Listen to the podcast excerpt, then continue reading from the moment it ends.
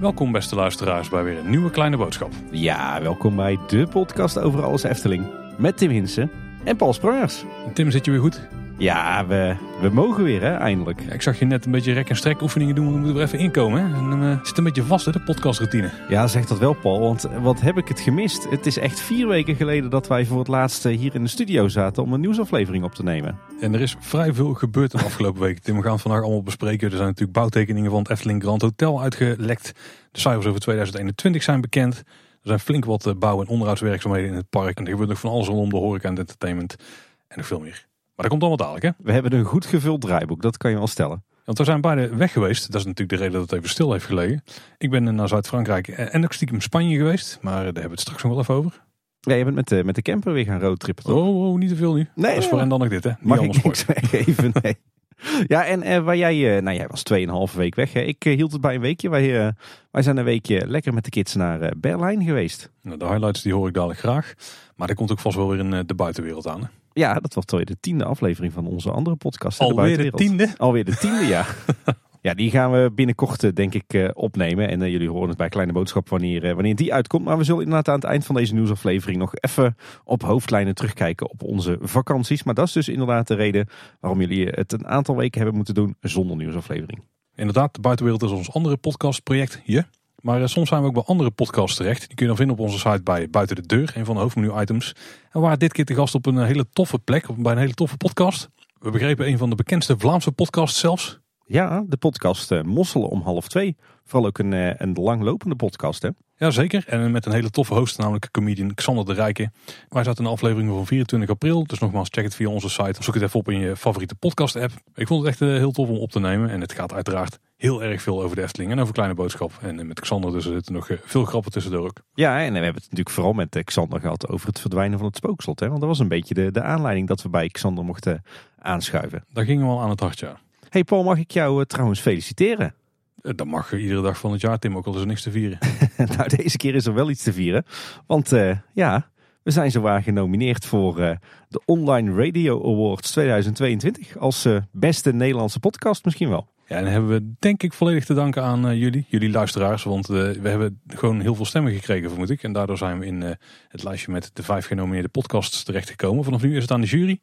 Dus wij moeten nog even afwachten wat er gaat gebeuren. Maar komende week, dan gaan we het horen, Tim. Ja, donderdag 19 mei is eh, de prijsuitreiking eh, bij Beeld en Geluid in eh, Hilversum.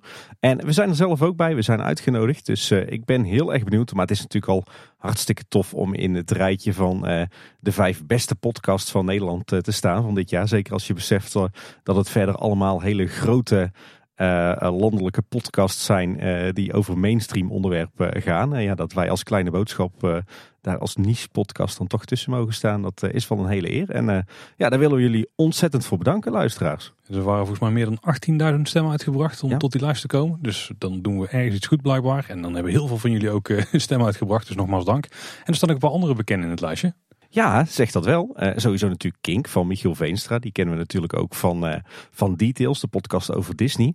Eh, maar wat we zeker niet onvernoemd mogen laten. Hallo Kids Radio is genomineerd als beste online radiostation. En Mayoni, die is ook nog eens genomineerd als beste radiomaker.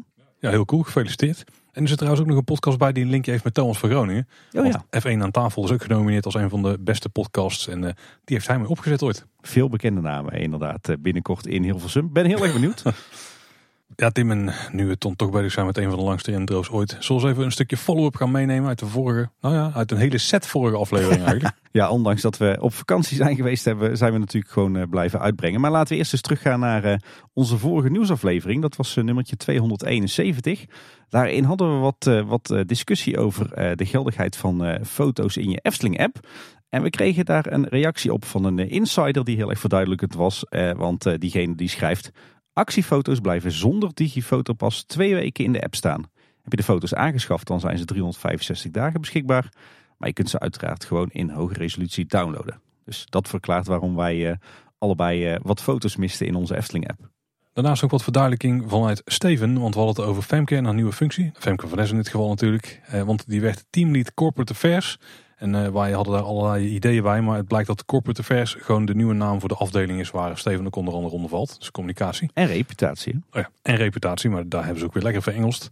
Daar valt dus ook het stukje public affairs bij dat Wieke deed. Maar dat is natuurlijk niet alles wat Wieke deed. Die deed ook een stukje duurzaamheid, veiligheid en juridische zaken. En die zitten allemaal in een andere afdeling, namelijk wet en regelgeving. Dat lijkt me een leuke afdeling om voor te werken.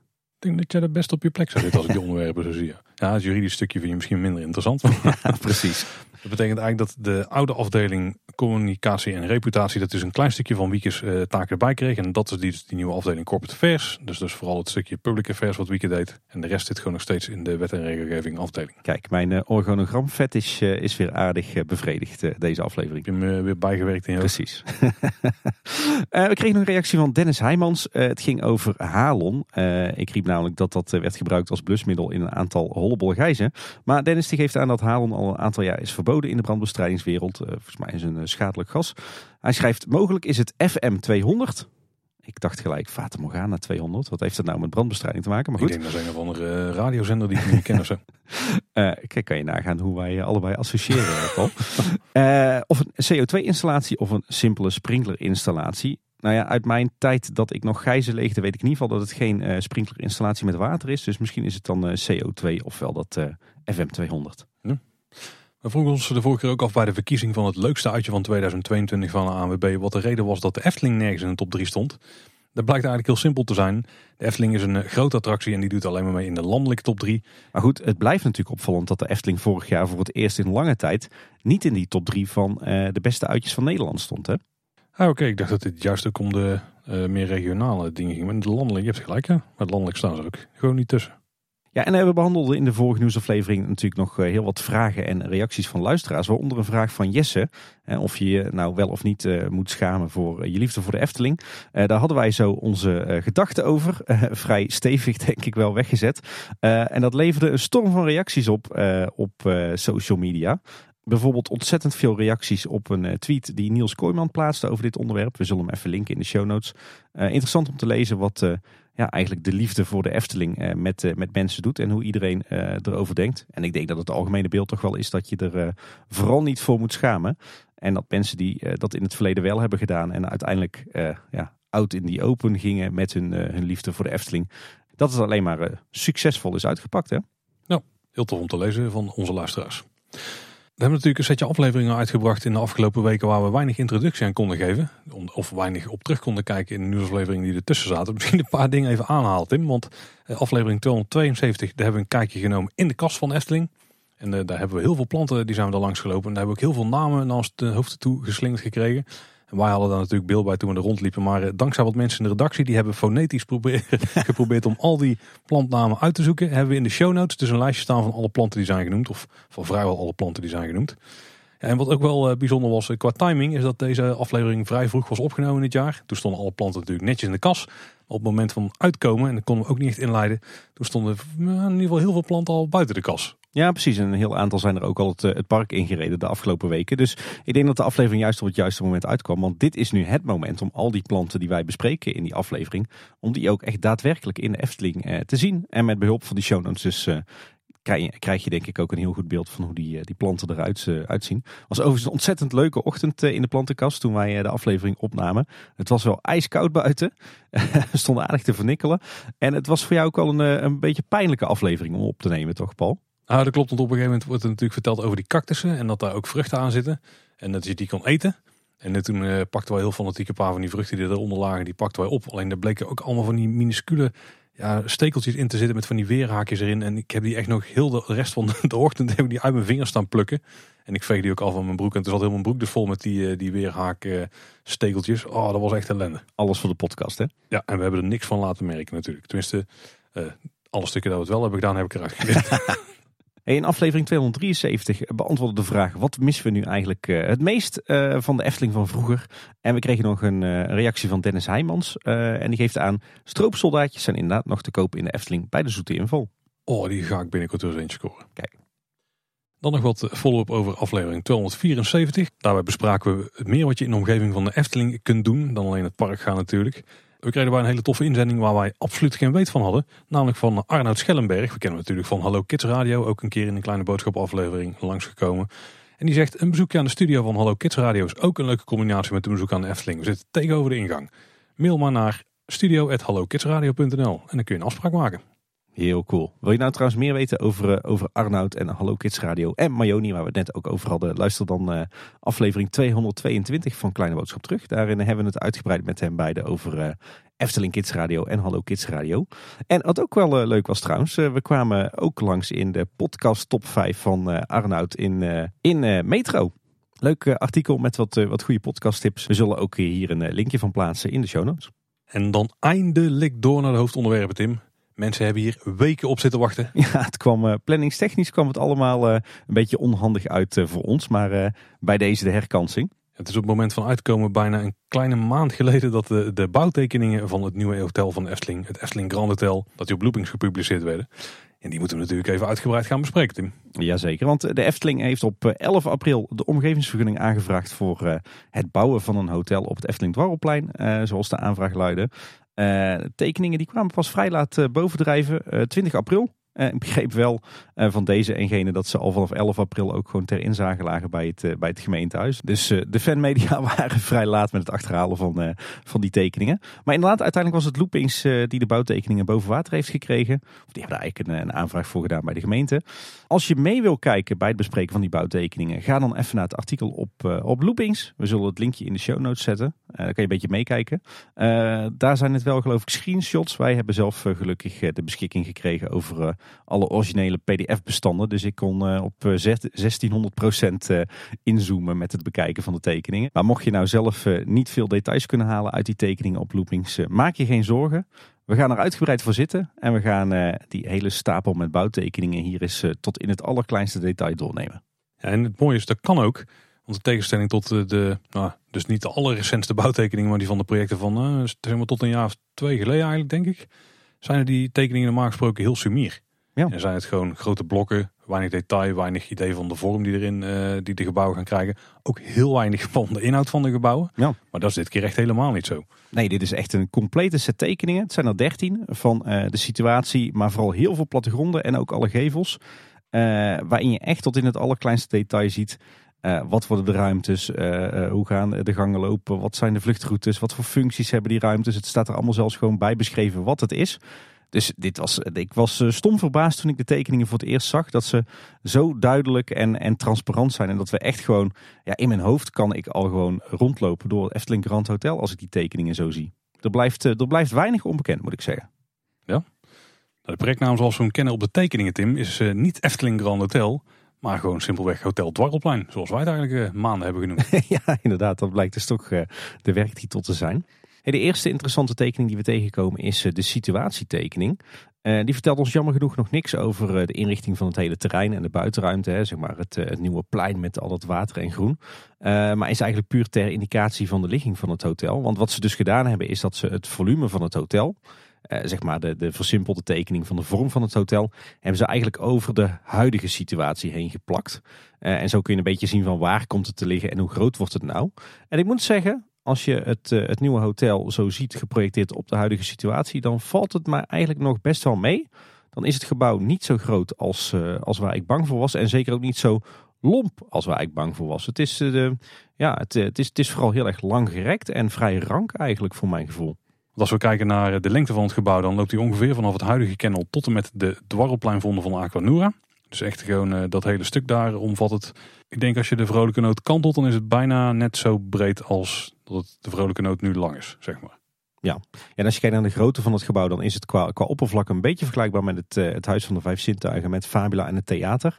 Uh, maar het is natuurlijk veel minder een blokkendoos dan die, uh, in ieder geval twee van die drie gebouwen. Hè. Het theater en Fabula zijn natuurlijk allebei, ja, eigenlijk gewoon hele lompe gebouwen met, met wat geveltjes ervoor. Nou, ik, ik denk dat de totale footprint misschien wel zelfs minder is dan het theater. Ja, en dat komt eigenlijk omdat het hotel lang niet zo diep is als, als wat ik dacht. Eh, en dat heeft natuurlijk nog een, eh, een, groot voordeel. Want dat betekent dat de afstand tussen de achtergevel van het hotel en het Sprookjesbos, en dan met name de, de sprookjes die, die dicht bij het hotel liggen, die vind ik nog vrij groot eigenlijk. En dat betekent op die, dat is natuurlijk ook wel de illegale concept die we ooit van Loopings hebben gezien, maar dat betekent redelijk. Een van de vrezen was die heel veel mensen hadden bij de rode schoentjes. Is dat dan het hotel daar enorm groot achter zou opdoemen. Ik denk dat dat dus in de praktijk wel mee gaat vallen. Want wat ik mezelf ook helemaal niet besefte, maar op de tekening kun je het heel goed zien, is dat die achterwand daarvan, dus die stenen achterwand, die wijst echt exact richting het eh, hotel. Dus die valt daar gewoon volledig achterweg dadelijk. En er staat ook nog heel enorm veel groen achter. Ik denk dat dit in de praktijk wel eens eh, enorm mee gaat vallen, ja. Ja, vooral ook omdat je bij de rode schoentjes kan je ook niet een heel eind naar achteren lopen. Zodat je alsnog over dat muurtje heen kijkt richting dat hotel. Je hebt natuurlijk maar een heel smal wandelpad. En daardoor kijk je eigenlijk altijd eh, naar, eh, naar die rotsachtige achterwand van de rode schoentjes. Ja, zeker. Dus dat uh, was in ieder geval wel een, een geruststelling. Uh, overigens heeft uh, Erwin Isaac Josiassen heeft, de situatietekening van het hotel ingetekend op een luchtfoto van Google Maps. En hij heeft daarin wel een aantal zaken al aangepast. Bijvoorbeeld de verlegde Padoespromenade. En we zullen even een, een, linkje in de show notes plaatsen naar die, die fotomontage. Ja, die geeft een goed idee inderdaad van de ligging. Hey, en dan, dan ga ik even neurden, Paul, voordat we uh, het gebouw van, uh, van verdieping tot verdieping gaan, uh, gaan bespreken, als jij het goed vindt. Prima. Een aantal opvallende zaken. Nou, misschien eerst iets, iets, iets verhelderends. Je had het net al over de, de tekeningen die op, op Looping zijn uitgelekt eerder. Daar zat natuurlijk ook nog zo'n bijzondere tekening in van het hotel van Karel Wilmer. Met een, een totaal ander gevelbeeld dan, dan dat Jugendstil, dat, dat Scandinavische wat, wat we nu hebben. Daar hoeven ons gelukkig niet uh, meer van af te vragen uh, of dat, dat inderdaad een andere achterkant is dan hoe de voorkant eruit ziet. Want het, uh, het gebouw is wat dat betreft helemaal symmetrisch. Dus de achtergevel is nagenoeg hetzelfde als de voorgevel. Dus die tekening van Karel is duidelijk een schets uit een veel eerdere fase. dan even bouwtechnisch. Uh, we vroegen ons eerder al af van uh, zou dit gebouw wel of geen sprinklers krijgen. Ik dacht van niet en dat blijkt ook uit de, deze tekeningen. Het hotel wordt niet uh, maar is helemaal ingedeeld in brandcompartimenten met tussen de verschillende compartimenten 60 minuten brandwerendheid. Dan de opbouw van het gebouw. we hebben een kelder. We hebben een begane grond van 6 meter hoog. En daar ligt op een aantal plekken een tussenverdieping in op 3 meter hoog. Dan hebben we de eerste tot en met de zesde verdieping en nog een dak. Dus uh, uiteindelijk is het uh, in tegenstelling tot wij dachten uh, niet zeven verdiepingen inclusief de kelder, maar het zijn zeven bouwlagen plus de kelder. Dus alles bij elkaar acht verdiepingen zou je kunnen zeggen. Ja, dat komt natuurlijk door die begane grond met die tussenverdieping. Want die tussenverdieping is dan de zevende verdieping die wij misten. Nee, die heb ik dan nog niet eens meegeteld. Maar reed jij het dak als verdieping dan? Ja, dat is wel een vloer. Ik denk niet dat zo ze het bedoeld hebben. nou ja, dat zijn details zullen we maar denken. Ik was ook heel erg benieuwd naar de bouwtechniek die ze zouden gaan gebruiken voor het, uh, voor het hotel. Hè. De, uh, bij Ravelijn is bijvoorbeeld uh, helemaal gewerkt met, met prefab beton. En je ziet natuurlijk de laatste tijd ook steeds meer grote gebouwen in houtskeletbouw opgebouwd worden. nou, deze tekeningen zijn zo extreem gedetailleerd dat we zelfs dat kunnen achterhalen als je de Renvoyer langs legt. En wat blijkt, de hoofddraagconstructie van het hele gebouw wordt gewoon ouderwets in het werk gestort beton. de gevels die worden gemaakt van baksteen en van gevelstuk op uh, isolatiemateriaal. Uh, en dat laatste verbaasde me een beetje. Uh, aangezien dat, ja, dat is toch altijd een hele kwetsbare manier van bouwen. En ook niet echt, echt onderhoudsvriendelijk. Want je moet je voorstellen dat het een dun laagje stukwerk op een, een isolatieplaat is. Dus als je daar een paar keer tegen aantikt, dan, dan valt dat er vanaf. Even voor mijn beeldvorming, waar baseer je op dat het geval gaat zijn? Op eh, de materialisering op de plattegronden. Daar kan je, kan je duidelijk zien dat een deel aan de buitenkant uh, gewoon uh, metselwerk is, gewoon metselwerk. Dus daar ga je de metselstenen zien. Dat zien we ook op de conceptarts van, van Zandner. En bij een deel zien we alleen isolatie zitten, maar geen, geen buitenblad. En dat is precies op de plekken waar we stukwerk zien op de conceptart van, van Sander. Dus daar krijgen we gewoon een dun laagje stukwerk op isolatiepanelen. Is op zich een hele efficiënte en, en daardoor ook kostenefficiënte manier van bouwen. Maar ik vraag me wel af uh, hoe zich dat, uh, dat gaat houden in de loop der jaren. Verder op zich wel heel, uh, heel logisch dat ze kiezen voor een, een hoofdconstructie van beton. Want beton werkt natuurlijk heel goed geluidwerend. Uh, en omdat ook de, de meeste wanden tussen hotelkamers van beton zijn, betekent dat in ieder geval dat je weinig last gaat krijgen uh, van, uh, van geluid van de naastgelegen kamers. Dus dat is op zich wel heel erg slim gedaan. De enige plek waar je trouwens geen betonnen wandjes hebt tussen de hotelkamers, en dat is op zich wel, vrij logisch, is bij de hotelkamers die boven de onderdoorgang zitten tussen het Dwarrelplein en het park. Want ja, daar heb je natuurlijk een hele mooie hoge boog. Dus daar kan je al dat gewicht van uh, betonnen tussenwanden niet op gebruiken. Dus uh, daar hebben ze gekozen voor hele dunne systeemwandjes. Maar verder is het hele hotel opgebouwd uit uh, beton. Ja, dan gaan we even stuk voor stuk door de verdieping heen lopen. En dan beginnen we helemaal beneden in de kelder. de kelder die beslaat natuurlijk de volledige lengte van het gebouw. Want die zit onder de grond. Dus die loopt ook door onder de arcade. Maar we kunnen hem grofweg wel splitsen in drie delen. Dus het noorddeel, dus het deel dichtst bij de parkeerplaats ligt. Het middendeel en het zuidelijk deel wat tussen het dichtste bij Aquanura ligt. En de noordkant die is denk ik voor de bezoekers heel interessant. Dat is namelijk het deel waar de spa in zit. En die is ongeveer 193 vierkante meter. Klinkt niet echt als heel veel. Nee, vrij beperkt inderdaad. Er zit ook een lifthal met drie liften voor bezoekers. Enorm veel back-of-the-house ruimtes. Die zijn ook al aangegeven met BOTH op de tekeningen. En er zitten bijvoorbeeld ook de kleedruimtes en de toiletten voor het personeel bij. Wat opslag, diverse voorzieningsruimtes.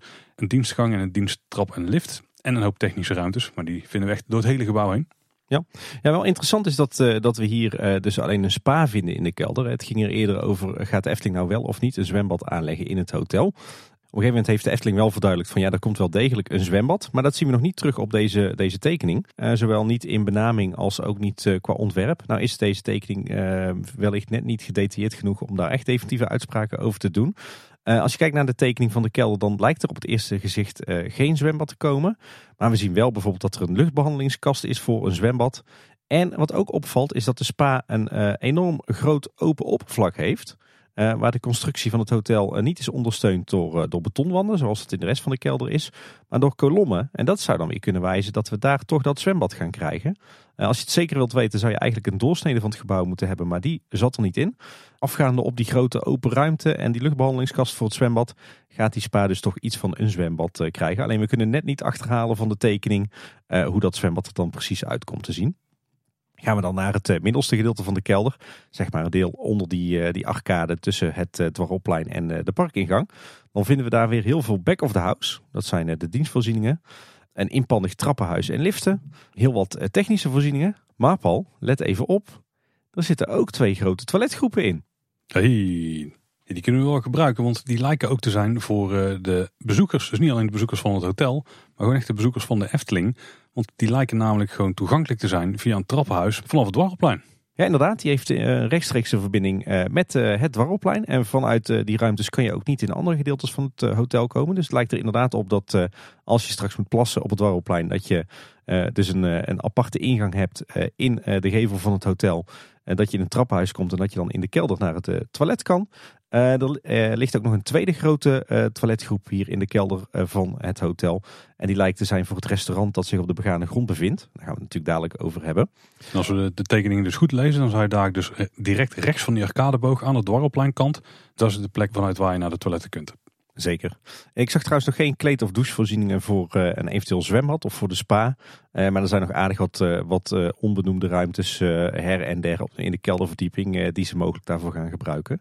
Iets wat ik trouwens heel erg opvallend vind, is dat het erop lijkt dat eh, de, toilet, de toiletgroep voor het Warrelplein, dus voor de parkbezoekers, dat die genderneutraal lijkt te worden. Het lijkt één grote ruimte te worden. Dus ja. Uh, ja, dat is niet helemaal waar. Het lijken twee ruimtes te worden, maar die wel in dezelfde ruimte zich bevinden. Zeg maar. Dus je hebt eigenlijk twee gangen met de toiletten.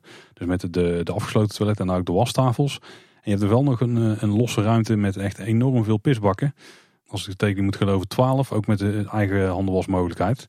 Dus dit is wel een beetje soort van gescheiden nog. Maar er zitten echt enorm veel toiletten. Ik tel even voor u dames en heren. Volgens mij 18 afgesloten toilethokjes. Ja, jij zei inderdaad, er is een aparte ruimte eh, met alleen urinoirs. Dus als je als man uh, alleen de kleine boodschap hoeft, dan kan je daar terecht. Maar uh, voor de grotere boodschap, dan, dan kom je dus terecht in een toiletgroep die genderneutraal is. En er is ook een babykleedruimte bij. Wat ik overigens mis, is een minder valide toilet. Ja, dat komt omdat er vanaf het Dwarrelplein geen rechtstreekse lift is naar de kelder. Maar we hebben even op de tekeningen lopen zoeken en ik kan zo niet vinden waar dan het minder valide toilet uh, voor de, ja, de, de, bezoekers van het park zeg maar, zou zitten. Er zit er eentje op de eerste verdieping bij het restaurant en er zit er eentje bij de receptie van het hotel. Of in de, de lobby van het hotel zeg maar, maar dat zijn eigenlijk de enige twee die ik zo kan spotten. Ja, dat uh, blijft nog even een raadsel. Iets anders wat trouwens wel opvallend is, is eh, dat er eigenlijk eh, geen directe verbinding is van buiten naar de kelder. Dus je hebt niet zoiets als een, eh, als een hellingbaan of zo, of een trap waarmee je vanaf, zeg maar vanaf het maaiveld de kelder in kan komen met spullen. Uh, dat gaat alleen inpandig via trappen en liften. Maar als, er nou, als ze nou toch in de kelder moeten zijn voor technische werkzaamheden of om iets zwaars binnen te krijgen, dan zit er een hijsluik in het straatwerk van de arcade. Hè, dus die doorgang onder het hotel door. Uh, en als je dat hijsluik openmaakt, dan uh, kom je dus in de kelder terecht. Dus op die manier kunnen ze zware en grote spullen van buiten de kelder van het, eh, van het hotel in krijgen. Opvallende keuze. Ik had wel ergens een, een hellingbaan de kelder in verwacht. Maar ja, daar hebben ze in dit geval niet voor gekozen. Ik denk dat dit toch wat, wat goedkoper is. En dan de zuidzijde van de kelder, dus dichtst bij de Aquanura vijver. Daar bevindt zich vooral enorme technische ruimtes en ook waarschijnlijk de spoelkeuken van het restaurant of de restaurants eigenlijk die erboven zitten. Die kunnen namelijk met de trap en lift ook bereiken. Ja, en misschien ook wel de, de koude keuken en, uh, en wat opslag en dergelijke. Alhoewel, ja, je kan natuurlijk niet met je, met je eten en je drinken heel makkelijk uh, naar die kelder toe. Dus waarschijnlijk uh, vinden we hier inderdaad wat, uh, wat voorbereidingsruimtes en de, de spoelkeukens. En de Efteling en keukens in de kelder, dat gaat niet altijd even goed samen. Nee, dat weten we wel vanuit het, het, interview met, met Frans Goenet. Hey, de meest interessante verdieping is waarschijnlijk de begane grond. Want daar gaan we straks voor een deel ook in kunnen als parkbezoekers. Die kunnen we ook weer opknippen in een, een noordelijk deel, een middendeel en een zuidelijk deel. En kijk je dan naar het noordelijk deel, dan vinden we daar een grote lobby die heeft eigenlijk twee toegangen. Een toegang vanaf het eh, parkeerterrein, vanaf eh, die, die laan die ook aan beide zijden van, uh, van water is voorzien.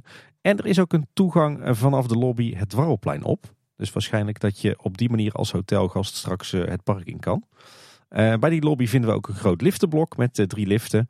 En ook weer heel veel back of the house. waarschijnlijk de receptie en de kantoren die daarbij horen. en daarnaast vinden we aan de noordzijde van de begane grond ook een grote winkel van 465 vierkante meter.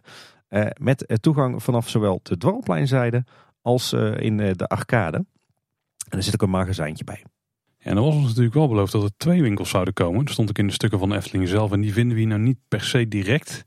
Dan hebben we daar een paar theorieën over. Waarbij we niet zou verbazen trouwens als er gewoon een hele kleine winkel in de lobby zit. Die echt alleen voor de mensen van het hotel is. Een beetje vergelijkbaar met wat we zien bij het Loonse Landhotel heb je ook gewoon een paar rekken staan. Dat dat dan misschien de reden is dat ze spreken over twee winkels. Want dit lijkt vooral één hele grote winkelruimte te zijn. Maar het zou kunnen zijn dat ze één stuk misschien kunnen afsluiten. En dat die dan voor alleen de hotelbezoekers is. En dat de andere voor de parkbezoekers eh, ook bereikbaar is. Ja. ja, en mocht het wel één grote winkel zijn, dan is hij toch alles bij elkaar van een vergelijkbare grootte als uh, de Efteldingen. Dus ja, dat doet dan toch wel weer de, de vraag reizen. Uh, heeft de Efteldingen dan nog bestaansrecht of gaat hij weg op zijn huidige plek en dan komt hij hier in het hotel te zitten? Uh, ik denk dus dat hij qua vloeroppervlakte zelfs vergelijkbaar is met Efteldingen. Misschien zelfs wel iets groter, omdat het magazijn een stukje wat kleiner lijkt te zijn. Ja, dat is een goede vraag. In ieder geval een interessante verbinding tussen de lobby, dan in het midden de winkel en daarnaast de arcade waar wij als parkbezoekers doorheen gaan lopen. Ja, en de lobby en de winkel die is dus met een rolder af te sluiten. Of misschien standaard afgesloten, want ik kan me niet voorstellen dat dat dan een manier is voor je via de lobby het park in zou kunnen.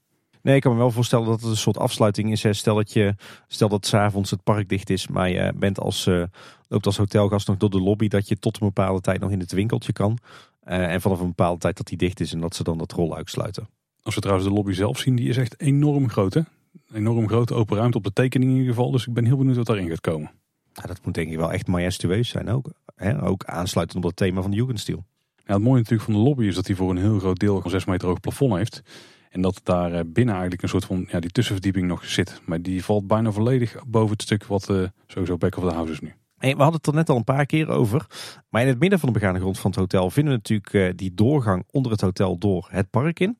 En die wordt op deze tekeningen ook officieel arcade genoemd. Dus ik denk dat dat de naam is die we gaan gebruiken. En aan de zuidzijde van de begane grond, ja, dan weten we natuurlijk wat daar gaat komen. Er komt een enorm restaurant, 584 vierkante meter als we de plattegronden mogen geloven. Met serre en terras en buitenbar. Kijk, toch een bar bij uh, Efteling Grand Hotel. De meeste restaurants kunnen natuurlijk niet zonder bar, maar een buitenbar ja, dat is toch wel een, een bijzondere. Nou, dat wordt wel heel mooi, denk ik, daar bij eh, de Aquanura Vijver. Oh ja, dat wordt super chic. Ja. Ook enorm veel back of the house trouwens hier. En dat is uiteraard voor alle keukenvoorzieningen die daar nodig zijn. Dan gaan we naar de verdieping erboven, of eigenlijk naar de tussenverdieping. Je had het er al over. Hè? De begane grond is op de meeste plekken 6 meter hoog. Lekker hoog, dat gaat een mooi ruimtelijk, uh, ruimtelijk effect geven. Maar op een aantal plekken vinden we op 3 meter toch een tussenverdieping.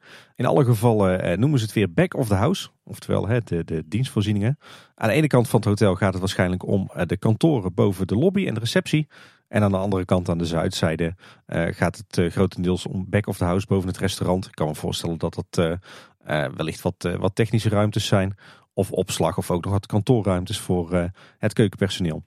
Ja, als ik die tekening trouwens bekijk, zie ik dus ook dat die winkel een enorm hoog plafond heeft. Want ook die heeft gewoon het 6 meter hoge plafond. Ja, klopt. En uiteraard ook het restaurantdeel wat daar zit. Het heeft ook voor een heel groot deel gewoon het 6 meter hoge plafond. Met een paar kleine stukjes die dan ook nog een vloer hebben op de, ja, die tussenverdieping, zeg maar. Dus boven de keukendelen waarschijnlijk. Ja, dat gaat uh, mega chic worden. En dan de eerste verdieping. Die eh, begint dus op 6 meter boven de begane grond. Als we dan naar de noordzijde kijken, daar zitten dan hotelkamers. Uh, uiteraard met gang in het liftenblok wat er ook in uitkomt. Er is ook een torentje boven de lobby. En een nog onbenoemde ruimte.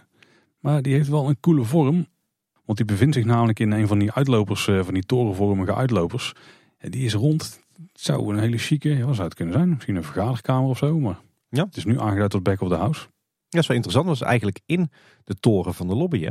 En de toren die op de lobby staat eigenlijk. Ja. ja, En we zien hier trouwens ook voor het eerst op die eerste verdieping uh, hotelkamers. De meeste hotelkamers hier zijn uh, standaard 33 vierkante meter.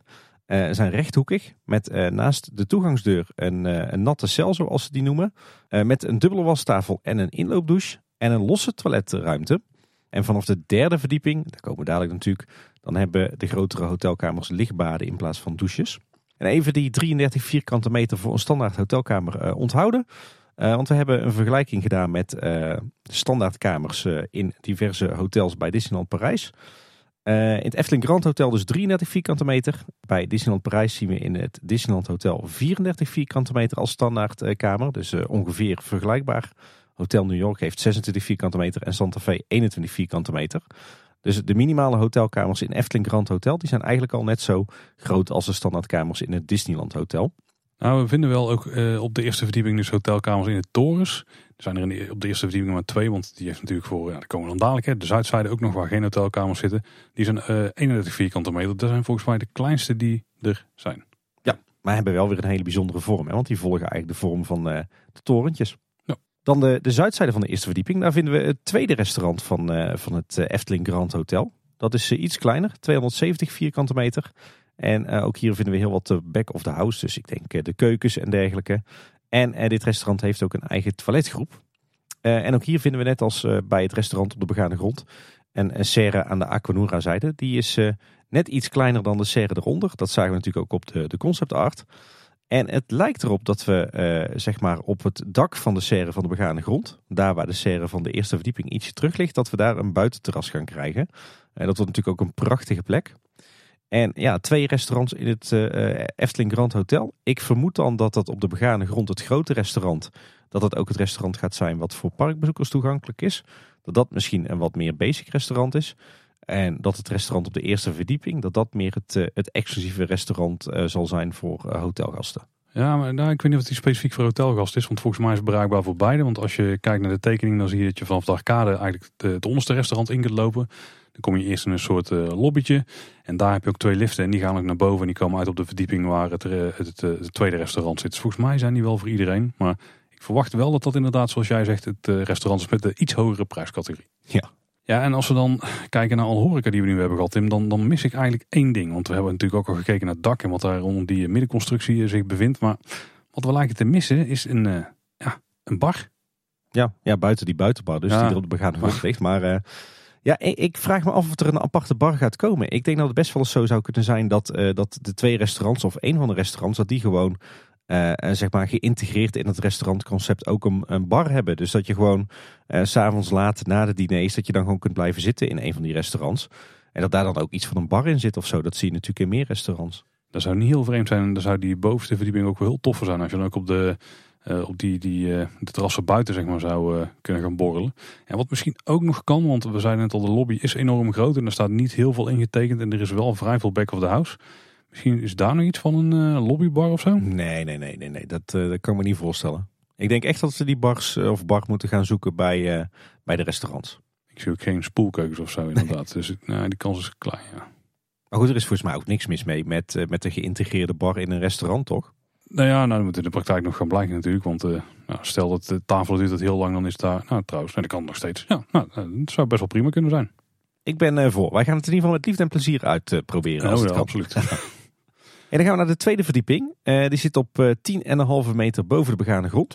Uh, dus ook de eerste verdieping is, is vrij hoog trouwens. maar die tweede verdieping is eigenlijk de eerste verdieping met volledig hotelkamers. verder geen functies.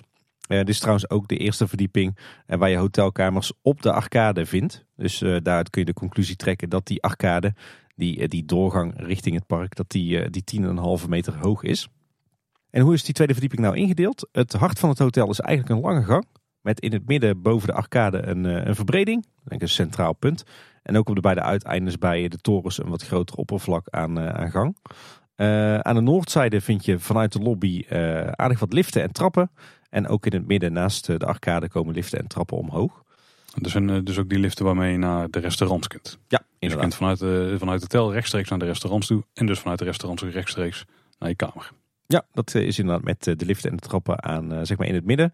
En ik denk dat de liften en de trappen aan de noordzijde, dat die vooral bedoeld zijn voor ja, zeg maar het verkeer tussen de lobby en de hotelkamers. En ook richting de spa en het zwembad. En naar het park, want ik vermoed dat je via de lobby uiteindelijk het park gaat betreden.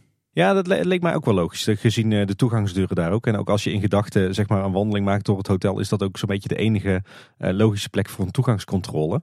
En waarschijnlijk verklaart dat ook waarom die lobby zo groot is. Omdat je daar natuurlijk een flink aanbod aan gasten gaat hebben aan het ah, begin van de, de parkdag. Ja, je zou dan dus eigenlijk het, park inkomen aan de dwarrelpleinkant. Ja. ja, we vinden op deze verdieping en eigenlijk ook op alle verdiepingen erboven, zou je kunnen zeggen, drie verschillende soorten hotelkamers. Uh, je hebt de hotelkamers boven de arcade, zeg maar in het, uh, het middelste gedeelte van het hotel, die grote toren. Uh, je vindt een, een ander type kamer in de vleugels links en rechts van het midden. En dat zijn zeg maar die, die langere gedeelten die je ook op de concept tegenkwam. En de meer bijzondere hotelkamers die vind je in de torens. indeling en oppervlakte is op deze verdieping nog, nog vrij vergelijkbaar bij al die type kamers. Maar op de andere verdiepingen wordt dat wat anders. Ja, het scheelt maar een paar vierkante meter oppervlak per kamer. De kleinste die zijn uh, net geen 32 vierkante meter. En de grootste die is nou net 36 vierkante meter. Maar je heeft dan ook een portaaltje. Dat is maar eentje van uh, op de hele verdieping. Dus scheelt een paar vierkante meter maar. Ja, dan komen we uit op mijn favoriete verdieping. De derde verdieping. Daar uh, zou ik wel een kamer willen hebben. Voor vast. Want ehm, het leuke is daar dat de, de hotelkamers die in de twee vleugels zitten. Die hebben daar allemaal een balkon. Uh, en dat is die, uh, wat, wat we op de conceptart van Sander ook zagen. Dat is eigenlijk die lange galerij. En dat blijken dus, uh, dus balkons te zijn voor de hotelkamers. en dat geldt zowel voor de dwarrelpleinzijde, maar ook voor de parkzijde. Dit is volgens mij ook een hele luxe en dure verdieping. Want de hotelkamers op deze verdieping die zijn in veel gevallen fors groter. Soms zelfs wel 65 vierkante meter. en vooral de kamer die ligt boven de serres van het restaurant. Die is echt enorm. En, je vindt ook nog eh, een aantal flink forse kamers eh, in de vleugel aan, eh, aan de zuidzijde, zeg maar aan de Aquanura zijde. Ja, misschien is het net wel de, grote gezinskamer of zo. Ja. Voor een deel. wat, wat is er nou toffer dan, dan op deze derde verdieping een extra grote hotelkamer hebben en dan de deur openslaan, op het balkon stappen en dan zo het Efteling Park in te kijken. Dat is toch heerlijk? Je hebt er hier een paar, dan kun je de halve Pardoespromenade overzien. Ja. Prima plek denk ik om te zitten. Heel tof. Betekent dus ook namelijk dat je gewoon midden in de nacht de deur open kunt gooien en uh, zo over het, uh, het Sprookjesbos uitkijkt. En hier vinden we dus ook de eerste kamers met een lichtbad. En het valt mij eigenlijk op dat al die kamers ook daarnaast nog gewoon een inloopdouche hebben. Dus zijn we voorzien van zowel een bad als een inloopdouche. Ik uh, teken alvast in voor die derde verdieping. Er zitten ook een paar vreemd gevormde hotelkamers in, valt me nou trouwens op. Die hebben een badkamer met los toilet en losse ruimte met de wastafels en inloopdouche. Maar dan loop je eigenlijk in een soort L-vorm omheen om dan de hotelkamer te betreden.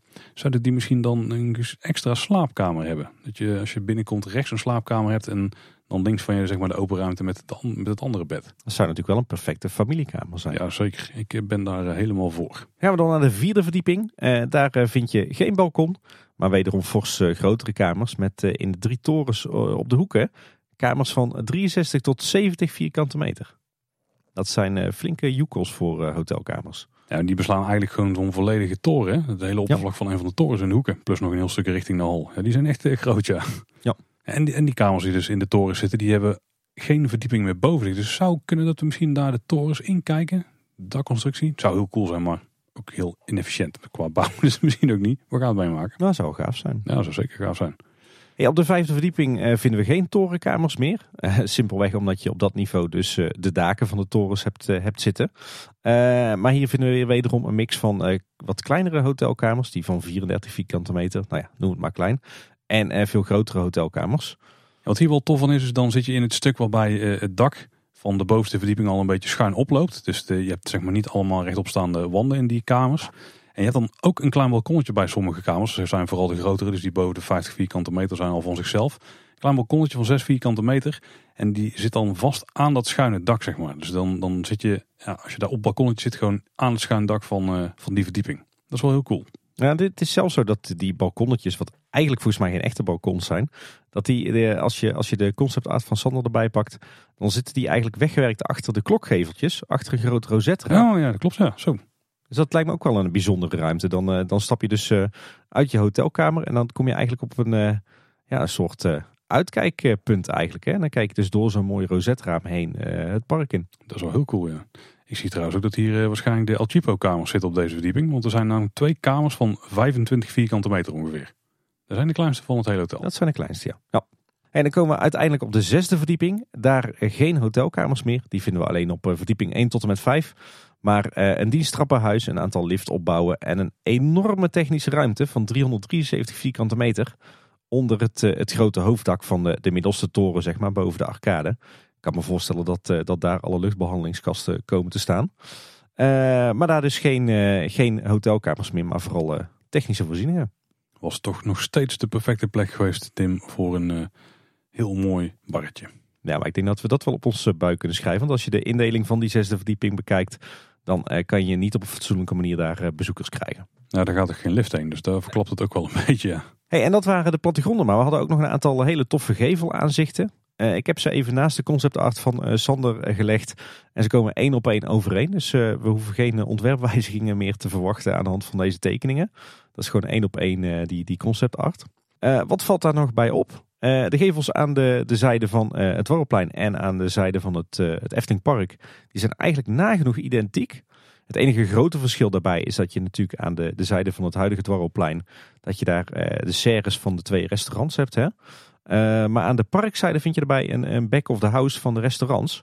Het lijkt erop dat die worden afgeschermd. En ja, daar, daar krijg je natuurlijk een soort emballage. Hè? Dus eh, veel containers, opslag, van, opslag van pallets en rolcontainers die weg moeten. Eh, eh, dat soort zaken. Dat is natuurlijk een voorziening die zien we bij, eh, bij ieder restaurant in de Efteling. En die komt ongeveer te liggen tegenover de, de huidige back of the house van, van Fabula. Het valt wel op dat het er echt heel utilitair uitziet. Hè? Dus ze gaan het op een of andere manier wel onttrekken aan het zicht uit het park. Want dit stuk is niet een stukje wat langs het Sprookjesbos zit. Dus dit ga je anders zien als je daar niet een enorme berg groen of zo voor zit. Ja, of misschien wordt dit gedeelte van de Steenboklaan wel volledig afgesloten. En kom je hier gewoon helemaal niet meer in dit gebiedje. Oh, wow. Gaat wel heel erg voor de rigoureuze oplossingen. Want je, gaat, je rijdt wel met de trein gewoon langs. Dat wel ja. Maar goed, dat kan je nog redelijk makkelijk maskeren. Ja, ja. ja. Hè, maar stel dat je straks zegt, eh, in de definitieve situatie heb je de doorgang het park in, onder die arcade door. En je hebt ook nog een route rechts om het hotel heen, langs die serres. En dan eigenlijk tussen het hotel en de Aquanura vijver richting het Anderrijk. Ja, dan heb je dat, dat stukje steenboklaan heb je helemaal niet meer nodig. Dat kan natuurlijk een gigantische back of the house van het hotel worden. Hmm. Wat dus wel opvalt is dat de andere kant hiervan, dus die richting het Sprookjesbos ligt, waar dus de winkels in zitten en de lobby, die ziet er wel heel chic uit. Die heeft ook die grote hoge bogenramen, zeg maar. Ja, trouwens nog een, een, een ander verschil tussen eh, zeg maar de Dwarrelpleinzijde en de zijde aan de, de parkkant. Eh, want het lijkt erop dat een van de torens hier, degene die echt aan het Sprookjesbos eh, grenst, dat die een eh, net wat ander uiterlijk gaat krijgen dan, eh, dan de andere torens. Dus misschien dat we hier wel een, eh, een typisch Eftelingse gestukte toren krijgen of zo. We hebben trouwens ook gevelaanzichten eh van de arcade. Eh, en dan zien we dat we aan beide zijden van die, doorgang van het Dwarrelplein het park in, dat we daar ook weer van die prachtige boogramen krijgen. Zoals we die eigenlijk eh, in de hele begane grond van het hotel zien. Met schuifdeuren naar aan de ene kant de winkel en aan de andere kant het restaurant. Het deed mij een klein beetje denken aan die doorgang als je vanuit Alt-Berlin richting het Woesgedeelte loopt in Fantasieland. Daar heb je zo'n winkel, het Haus der Sechs Drachen. Eh, en daar heb je ook zo'n eh, zo'n arcade met van die, eh, die boogramen erin. Dat deed me een klein beetje aan denken. Maar goed, thematisch zal het er in de Efteling natuurlijk ietsje anders uit gaan zien. Wat wel heel cool is, is dat de, de klokken met het glas en lood, de- die dus groot boven de arcade zitten, dat die aan beide kanten van het gebouw zitten op de zesde verdieping. En die zitten dus in die dakopbouw met erin die technische ruimte. Dus niks spannends daarachter nogmaals. Ja, de hele dakconstructie die daar staat, die dient alleen maar voor die klokken. Ja, en de technische ruimte die je daar dus vindt. Hopelijk gaan die ook eh, mooi bewegen, die klokken. Als het allemaal gaat draaien zoals een echte astronomische klok zou heel cool zijn. Oh, ja. Ik denk dat ze op zijn minst op tijd zullen gaan staan, toch? Dat zou toch wel mooi zijn. Dan is de klokfunctie in ieder geval, eh, in ieder geval goed. Hey, en dan hebben we eigenlijk zo'n beetje tot in detail alle tekeningen van het Efteling Grand Hotel eh, doorgenomen. Die we tot nu toe hebben. Ja, precies. Ik denk niet dat we er heel veel meer gaan krijgen dan dit. hoor. Ah, hotelkamers, interieurs. Ja, dat is waar. Oh, het restaurant in. En misschien ook trouwens wel verder uitgewerkte concept art nog. Ik zou het allemaal prima vinden. Maar als je, als je puur bouwtechnisch kijkt, dan eh, denk ik dat we nu eh, wel het, eh, het maximaal haalbare detailniveau te pakken hebben. Als we de tekeningen die ze uitbrengen bij die aanvragen altijd op dit detailvertang gaan doen, Tim, ik zou het prima vinden. Nou, dan moeten we alleen nog langere afleveringen gaan maken, ben ik bang. Dit is wel een goede maatstaf, denk ik. Ja. Maar dit is ook wel het grootste bouwproject dat we in de komende tijd gaan krijgen. Want ja, we weten, het spookslot, die, die vervanger, die komt eraan. Het budget daarvan is de helft van dit.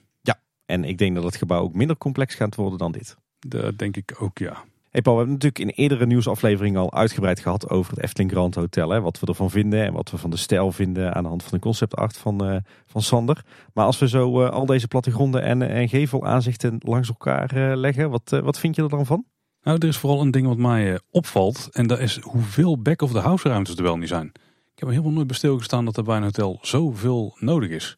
Nou ja, de- denk aan kantines, denk aan linnenkamers, denk aan alle keukens, eh, denk aan alle opslag, eh, de, alle dienstvoorzieningen bij een zwembad, alle techniek. Je hebt nogal wat nodig om een, eh, een, een chic hotel te runnen natuurlijk. Nou, dat blijkt, want ik denk dat als je alle technische ruimtes elkaar optelt, dat je er met gemak één hele verdieping mee kunt vullen. En waarschijnlijk nog wel meer. Nou, sterker nog, de hele kelder is er al bijna mee gevuld. Dus ik denk dat je er technisch gezien zeker anderhalve verdieping van de zeven mee kunt vullen. Met alleen maar de technische en, en, en back-of-the-house ruimtes. Ja, zeker. Ja, wat mij vooral opvalt is dat het echt een, een enorm complex gebouw is met heel veel functies. Maar die allemaal wel heel erg slim eh, op elkaar zijn aangesloten. Als je ziet hoe dat, dat eh, zeker, zeker die kelder en die begane grond, hoe dat ze daar de, de openbare gebieden vervlochten hebben met de gebieden die alleen voor hotelgasten zijn. En hoe die trappenhuizen in elkaar zitten en de liften. Het is echt ongelooflijk ingewikkelde puzzel, kan ik me zo voorstellen. Maar toch is het ze gelukt om het allemaal heel logisch op elkaar aan te laten sluiten. Als ik de tekeningen zo, zo zie, dan eh, wordt het wel een enorm ingewikkeld gebouw. Dus ik denk als je hier aan de slag moet, dat het wel even duurt voordat je echt overal de weg kent. Want man, man, man, wat vind je hier straks ontzettend veel ruimtes en kamers en gangen en technische ruimtes. En dit wordt echt absoluut het, het meest complexe gebouw van de hele wereld van de Efteling. Oeh, is dat een afspraak die je durft te doen? Ik denk dat je die wel kunt doen, ja. Ja, het is, het is echt enorm hoor, aan, eh, aan, aan, aan het aantal kamertjes en ruimtes en gangen. Nou, er is één ding wat ik dus vreemd vind aan de tekeningen. Ehm, en dat heeft wel met die complexe puzzel te maken. Ik kan me wel iets voorstellen. Maar dat zijn toch die toiletten die in de kelder zitten. Want als je kijkt hoe je daar komt, je komt er dus met een, eh, trap vanaf ehm, het Dwarrelplein. Maar dan moet je een best wel lange gang door voordat je bij de toiletten bent. Dus als je gewoon kijkt naar hoe dat stukje daar is ingedeeld, dan had je ook heel die toiletgroep gewoon kunnen opschuiven. Eh, zeg maar weg van, het, eh, van de spa.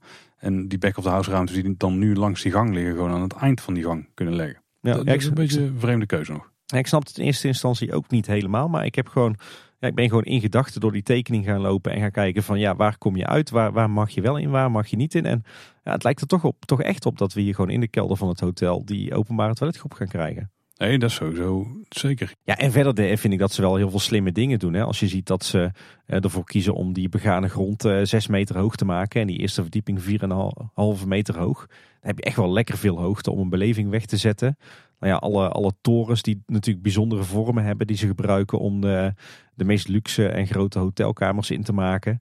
Ja, in die zin combineren ze eh, binnen en buiten wel ontzettend slim. En dus het zijn geen decor- of thematorentjes. Het zijn echt torens die ook daadwerkelijk eh, goed worden gebruikt voor eh, de restaurants en voor de hotelkamers. En wat ik zelf ook wel cool vind om te zien is dat de hotelkamers zelf heel erg wisselend zijn qua vorm en grootte. Ja. En dat geeft dus wel aan dat het bijna allemaal maatwerk wordt wat ze daar gaan doen. Misschien dat er wat prefab eh, badkamers voor in zitten, maar ook dat verwacht ik niet. Want er is gewoon te weinig overeenkomst tussen de kamers om daar prefab allerlei dingen in te gaan stoppen. Dus dat is, eh, nou, dat is cool. Ik denk dat bijna iedere kamer die je boekt eigenlijk uniek is. Ja, buiten een beetje die kamers in het midden. Want degene boven de arcade die zijn vrij vergelijkbaar. Die zijn vrij eh, recht toe recht aan. Maar daarnaast dan wisselt het enorm per, eh, per verdieping. Doe, doe mij maar een torenkamer of het liefst toch echt een kamer op de derde verdieping met een balkon. Ja, nou, met dat balkon helemaal bovenin. Dat is ook heel cool hoor. Door, die, door dat raampje heen. Ja, achter dat rozetraam, dat geeft denk ik wel een heel, heel bijzonder effect. Maar het liefste sta ik toch gewoon op een galerij eh, bij een balustrade. En kijk ik eh, middernacht uit over een, eh, een donkere Efteling hoor. Ik doe het er ook voor. Ik moet trouwens wel zeggen, ik vind ergens toch ook wel een beetje een risicovolle investering hoor. Ze zetten hier nou zo'n loei van een hotel neer met zo enorm veel kamers. Tegen zo'n fors bedrag, hè, 50 miljoen euro. Ik hoop toch wel dat ze dit hotel goed vol gaan krijgen hoor. Ja, toch heb ik er wel vertrouwen in. Want de bezetting van het hotel die is vrij hoog, weten we. De bezetting van de kamers, of de, hotelachtige kamers op Bosrijk en zo volgens mij ook. En ik heb zo'n vermoeden dat die behoefte aan een wat luxere segment, vooral qua hotelovernachtingen bij de Efteling, dat die er echt wel is. Als je ziet wat mensen ook bij Disneyland en zo neertellen voor hotelovernachtingen. Ja, de Efteling kan hier gewoon prima prijzen gaan vragen. Ik denk dat het best wel een succes gaat worden. Ja, ja ik denk het ook en ik hoop het zeker. het, maar ja, het is wel zo'n enorme investering en zo'n enorm gebouw met zoveel kamers. Ja, het moet wel echt goed gaan. Nou, als dat niet zo is, dan maken we gewoon een enorme walkthrough van. Hè? Vanuit Sprookjesbos, Sprookjesbos benaderbaar dadelijk. Nou, of koopappartementen.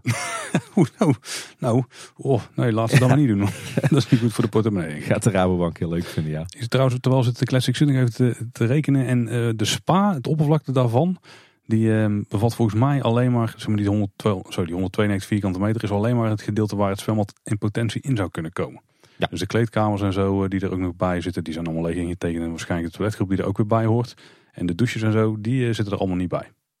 Dus er, er, kan in potentie nog wel inkomen. Een andere snelle meting, en die klopt denk ik helemaal voor gemeter, is dat het zwemgedeelte van Bosrijk, dat er in het allergrootste geval 900 vierkante meter is, inclusief kleedkamers, et cetera. Dan is dit wel een kleine. Ja, maar dit is dan zelfs in het slechtste geval is dit nog zeker een derde daarvan. In het slechtste geval. Nou, we, uh, we gaan het uh, volgen. En hopelijk. Uh, ik denk dat dit trouwens iets is wat we als allereerste gaan zien. Want sowieso wordt natuurlijk straks die kelderverdieping als allereerste oh, ja. gebouwd. Maar als daar ook nog een zwembad in moet liggen, dan heeft de kelderverdieping dus ook nog een betonnen bak.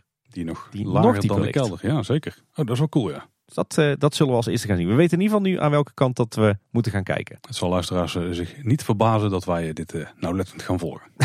en dan zullen vast de komende afleveringen nog wel wat dingen komen bovendrijven uit de tekeningen. Hopelijk niet de betonbak van het zwembad. Ja, het hotel is zwaar genoeg uh, om dat uh, naar beneden te houden straks. hey, we gaan eens kijken naar andere werkzaamheden in het park. Namelijk die rondom het parkeerterrein en het entreegebied. En dan vergeten we even het hotel, want we hebben het al uitgebreid over gehad. Het parkeerterrein Tim, daar is een toiletgebouw verschenen. En die lijkt gewoon op de definitieve locatie te staan. Zoals die ook volgens de vergunningsaanvraag is uh, aangevraagd. Ja, inderdaad. En er wordt nu zelfs gewerkt aan een breed pad richting die toiletgroep vanaf de parkeerpromenade. Uh, die takt aan zeg maar net na de drankenautomaat. En dat lijkt nu een tijdelijke oplossing te zijn. Maar uiteindelijk komt hij natuurlijk ook die grote oprijlaan aan te liggen richting het, richting het hotel. En die heeft zeg maar dezelfde schuinte als het, het voorplein van het Huis van de Vijf Zintuigen. Dus ik denk dat we binnenkort hier ook daadwerkelijk naar het toilet kunnen. We moeten wel nog een beetje aankleden, want op dit moment zijn het echt gewoon van die witte keten. Ja, echt van die tijdelijke units inderdaad. Aan de andere kant van een parkeerpromenade zijn ze natuurlijk bezig met die sprinklerkelder. En dan lijkt het echt wel klaar te zijn om het straatwerk erin te gooien. Ja, inderdaad. Eh, gisteren werd er al zand overheen gereden. En alle klinkers en tegels liggen ook al klaar. Dus de komende dagen gaat hier weer parkeerterrein worden aangelegd op de sprinklerkelder. Dan doen we het Huis van de Vijf Zintuigen. Daar is een groot deel van het werk al afgerond. Want we mogen weer onder het Huis van de Vijf Zintuigen door het park betreden. Zeker na maandag 25 april was het heugelijke moment dat het Huis van de Vijf Zintuigen weer in gebruik werd genomen. Die enorme stijger is inmiddels afgebroken en ook de tijdelijke tent die naast het Huis van de Vijf Zintuigen was opgetrokken als tijdelijke toegangscontrole, die is helemaal weg. Het uh, terrein en het worpplein is weer netjes opgepoetst. En nu rest er eigenlijk alleen nog een rijtje bouwhekken hè, tussen het Huis van de Vijf Zintuigen en de voormalige kennel. En ik moet zeggen, het binnenkomen van het park knapt er wel echt enorm van op. Ja, zegt dat wel, ja. Echt, het, de hele rommel in het begin die is nu voor een heel groot deel gewoon gefixt. Zeker als dadelijk de Pardoespromenade weg is. Nou, Misschien ook niet, want er komt natuurlijk een punt dat ze echt met het hotel aan de gang gaan. Ja, dan weten we wanneer het is. Dat zal begin juni zijn. En dan zal er eh, denk ik een flink bouwhek staan, ook op het Dwarrelplein zelf. Ja, maar alle randzaken die worden wel eh, steeds verder afgetikt. Hè? Springkelder, Huis van de Vijf Zintuigen, Pardoespromenade, Aquanura, Steenboklaan. Dat, al die deelprojectjes die naderen wel hun voltooiing. Ja, kijk, want het was het dat tot het moment dat je binnenkomt, was het even een soortje omdat je die slinger moest nemen. En dan kwam je daar in het eh, festivalland, zeg maar, van de entree. Maar dat is natuurlijk allemaal voorbij, want nu kunnen we gewoon recht over de parkeerpromenade zo het Huis van de Vijf Zintuigen inlopen. En daar knapt de entree, of het binnenkomen in ieder geval binnen de Efteling, al enorm van op. Zeker, die, eh, die ervaring, die beleving is stukken beter. Want overigens nog wel gewerkt aan het eh, straatwerk na de controlebordjes. Uh, volgens mij maken ze daar nog even netjes vlak. Helemaal goed. Dan Dwarrelplein en Aquanura. Ze zijn enorm bezig met Aquanura. De vijver is helemaal leeg, weten we. Aan de zijde van het Dwarrelplein wordt de vijver ook echt wel kleiner. Uh, er stonden van de keerwanden in, die hebben ze eruit gehaald. Die zijn inmiddels weer teruggeplaatst en dus iets dichter de vijver in. Nou, flink, flink eind de vijver in hoor. Ik vind het moeilijk inschatten. Hoeveel meter denk je dat ze verplaatst zijn? Oeh, dat heb ik zo ook niet te zeggen. Maar er, er wordt echt wel een flink stuk van de Aquanura vijver afgesnoept. Is dat 5 meter of is het 10 meter of zo? Want ik, ik, ik vind het echt heel moeilijk om in te schatten. Ja, ik denk eerder 10 meter dan 5 meter. Ja, serieus. Oh, dat is echt een flink kent, ja.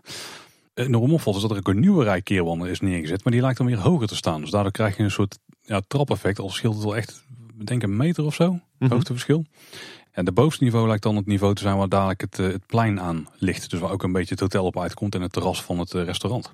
Ja, ja, ja. en, een, eh, en de, de, de vlonder van waar je Aquanura kan kijken, die ligt dus wat lager. Heeft natuurlijk ook als voordeel dat je een soort van tribune hebt. Hè? Want, Ja. want je hebt dus straks twee niveaus waar, waar kijkers kunnen staan. Nou ja, het bovenste niveau zou natuurlijk ook het niveau kunnen zijn waar het terras komt te liggen. Ook wel logisch dan, want je wilt natuurlijk niet hebben dat als je op je stoeltje zit, dat je dan tegen de rug aan zit te kijken van mensen die naar Aquanura staan te kijken als de show speelt. Hé, hey, dat is slim. En dan Ja. kun je er nu mooi overheen kijken. Ja, goed punt. Eh, ik denk trouwens dat dit ook eh, straks de tijdelijke looproute gaat worden. eh, het park in tijdens, tijdens de bouwwerkzaamheden aan het hotel. Maar dit, dit zal ook wel de definitieve situatie worden hoor. Als je ziet hoe dat ze nu die, die keerwanden allemaal netjes terugbrengen. Ik zou het niet erg vinden als we op meer plekken wat meer hoogteverschil krijgen rondom Aquanura. Want dan, eh, dan krijg je inderdaad die gelaagdheid en een beetje de tribune effect, waardoor je op meer plekken beter zicht hebt op de show. Het was de afgelopen weken een flinke puinzooi, maar het lijkt erop dat, eh, dat het nu toch eh, snel klaar gaat zijn. Eh, zo wordt er nu gewerkt aan eh, de vijverfolie van Aquanura. Die eh, wordt opnieuw aangebracht in dit gedeelte van de vijver.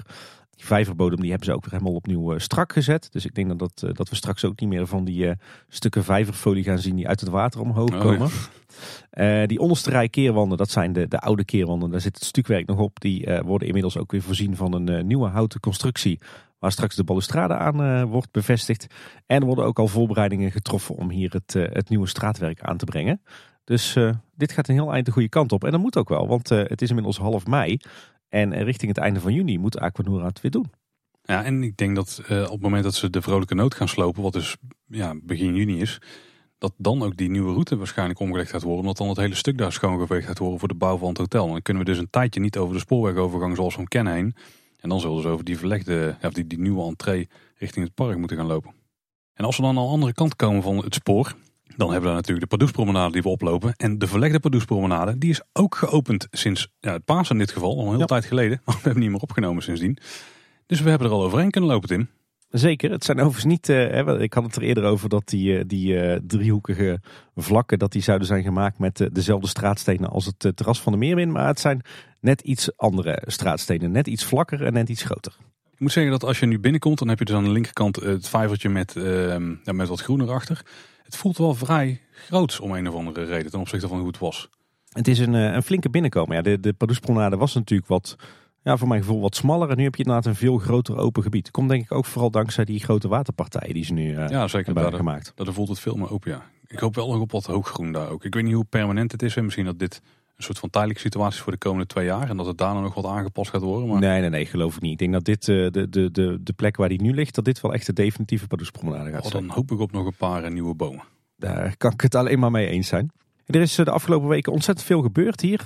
Lange tijd stonden naast die, die nieuwe Pardoespromenade dranghekken als afscheiding tussen zeg maar het wandelpad en de vijvers. Maar momenteel wordt er hard gewerkt aan het, het groen. En ze hebben nu een haag gezet als afscheiding.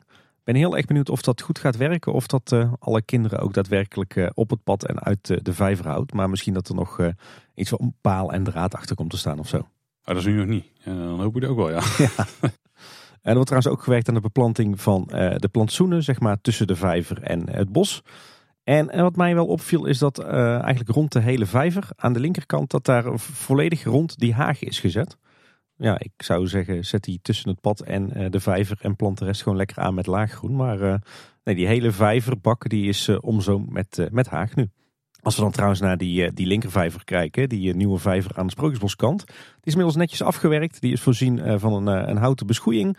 Eh, er is ook eh, zelfs een trapje aangebracht eh, voor de eendjes. En dat is maar goed ook, want ik heb al de eerste eendenfamilie met twaalf keukentjes rond zien zwemmen. Overigens net als een hoop vissen die erin zijn uitgezet. En ook een bak alg. Maar we weten dat dat een teken is dat er heel zuiver water in zit. Verder zijn tussen de vijver en het sprookjesbos zijn ze bezig met het, het maken van de nieuwe plantsoentjes. Die zijn inmiddels gevuld met, met zwarte grond. En daar is ook te zien dat er een nieuwe beregening is aangebracht en ook wat elektra voor alle andere spots. Dus ik denk dat we hier ook weer net als eh, in de oude situatie eh, mooie plantsoentjes gaan krijgen. Op de Pardoespromenade hadden we natuurlijk ook altijd van die eh, bruine palen met vaandels. Die zijn inmiddels ook weer teruggeplaatst, ongeveer ter hoogte van Pinocchio. En daar zijn ook grondspots bij geplaatst, zodat er ook wat belichting op die vaandels is. Ja, ik moet zeggen dat ik dit eigenlijk wel het meest problematische plekje vind van de, de nieuwe Pardoespromenade. Want ja, die ligt eigenlijk gewoon letterlijk aan de vijver van Pinocchio. Dus je kijkt hier gewoon vanaf de Pardoespromenade rechtstreeks het Sprookjesbos in. En vice versa. Heb je het al vanaf het Sprookjesbos gecheckt? Ja. En Ja, je kijkt gewoon letterlijk vanaf Pinocchio de Pardoespromenade op. je ziet de lopende mensen, je ziet die palen staan. Je ziet alles. Hmm. Dus ik, ja, wat ik zou doen als ik de Efteling was, is eh, de vijver van Pinocchio een stuk inkorten. En daar flink veel groen aanplanten. Ja, misschien zelfs wel een heuveltje met wat groen erop. Want eh, op deze manier kan het eh, echt niet blijven. De rechterzijde van de oude Pardoespromenade eigenlijk, dus waar we tot nu toe heel het overheen liepen wat tijdelijk geasfalteerd was, die is helemaal gesloopt, afgegraven. En daar, daar hebben we inmiddels een enorme vijver zien eh, verschijnen, ook vergelijkbaar qua vorm met eh, die aan de andere kant. En daar is de vijverfolie in aangebracht, daar zit ook al water in. En ik ben heel benieuwd hoe dit straks gaat voelen als dan eh, ook de, de bouwwerken daar weg zijn. Want dan, dan krijg je echt een, ja, een heel ruimtelijk oppervlak, zeg maar. Je wordt niet meer zo ingesloten zoals vroeger in de Pardoespromenade met het groen aan de kant. Aan de ene kant jammer, voelt wel groot. Ik denk, ik denk een mooie grootste entree eh, het park in. Hè, met, eh, je moet het eigenlijk zien als je het van boven ziet, is het volgens mij een vierkant. Met diagonaal de, de Pardoespromenade er doorheen. En links en rechts van dat diagonaal een driehoekige vijver. Dat is een beetje, denk ik, het bovenaanzicht. Ja, dat kan wel eens kloppen, ja. Ja, ik, ik hoop dat er inderdaad, wat je ook al zei, dat er dan langs die vijvers ook, dat er ook flink hoog groen wordt aangeplant. Want dan heb je pas echt die majestueuze entree natuurlijk. Hè. En een beetje schaduw. Ook niet verkeerd, denk ik. Ik zag trouwens ook dat ze hier een eh, flinke duiker, zeg maar een flinke betonnen buis hebben aangebracht vanaf deze vijver eh, richting de Aquanura vijver. Dus eh, ook in de nieuwe situatie staat al het water weer met elkaar in verbinding via dat eh, klaterwatersysteem. Aan deze zijde zijn trouwens ook alweer de wonderwachters teruggeplaatst. Dus het kan niet heel lang meer duren voor eh, eh, alles hier helemaal klaar is en, eh, en weer open is. Ja, dit gaat een stuk vlotter dan de werkzaamheden aan de andere kant in ieder geval. Ja, ze hebben er nu ervaring mee hè. Ja, en ze hadden stiekem ook best wel veel voorbereidingen al getroffen natuurlijk. Ja. Nou, op de Pardoespromenade komt natuurlijk de Steenboklaan uit. Dat is een stukje wat wegloopt richting Fata Morgana en Max en Moritzplein.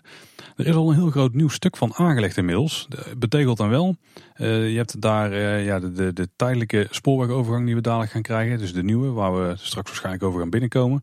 Vanaf daar, langs eh, de poort van de Back of the House van Fabula richting de nieuwe Pardoespromenade. Daar is dus een heel pad aangelegd, een stuk breder dan voorheen. Wordt ook steeds breder volgens mij naarmate dichter bij de Pardoespromenade komt. Ja. Dus eh, daar gaan we denk ik al over een aantal, nou, minstens weken overheen lopen. Misschien zelfs wel dagen. Dat denk ik eerder, ja. Want het gaat, eh, gaat heel snel. Er is trouwens ook een, eh, een mooie brede bocht in richting de Pardoespromenade. hè. Voorheen was het natuurlijk zo dat die Steenboklaan... dat het eigenlijk een, een, een zijaftakking was van de Pardoespromenade. Maar nu ga je dadelijk echt een heel breed wandelpad krijgen. Zeg maar vanaf die tijdelijke spoorwegovergang... zo met een mooie slinger richting die, eh, die verlegde Pardoespromenade. Dus dit, dit wordt echt wel...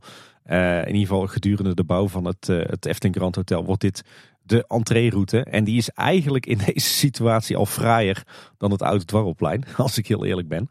Ja, nou, als, het groen, als het het grote groen is, dan wel ja. In ieder geval qua verharding is het een, een stuk Oh. netter. Ja, dat sowieso. Ze hebben trouwens ook aan, aan de overzijde van die tijdelijke spoorwegovergang, zeg maar aan de kant van Fabula, hebben ze een soort pleintje gemaakt. Is natuurlijk wel slim, hè? want hier gaat het natuurlijk 's ochtends en 's avonds heel druk worden. En, en daar is zowaar ook het, eh, het oude plattegrondbord van het Dwarrelplein eh, teruggekeerd. Eh, eerst werd er wat gewopperd door Efteling-liefhebbers van hè, dat lelijke ding weer terug met al die bladders verf eraan. Maar ik zag vandaag dat er zowaar zelfs schilders bezig waren om dat bord op te knappen. Ja, laten we hopen dat ze hem helemaal aanpakken. Want het leek nu al in de onderkant te zijn. Maar als ook de bovenkant nog aanpakken, want die is het heftigste eraan toe. Ja. Dan, nou, dan wordt het wel heel chic. Goede ontwikkelingen hier. Zeker. En dan nog wat details rondom het project Gasloos. Bij de Oase daar waren ze die put aan maken. Dat was zo'n enorme betonnen plaat met erin zo'n stalen luik ehm, geklust.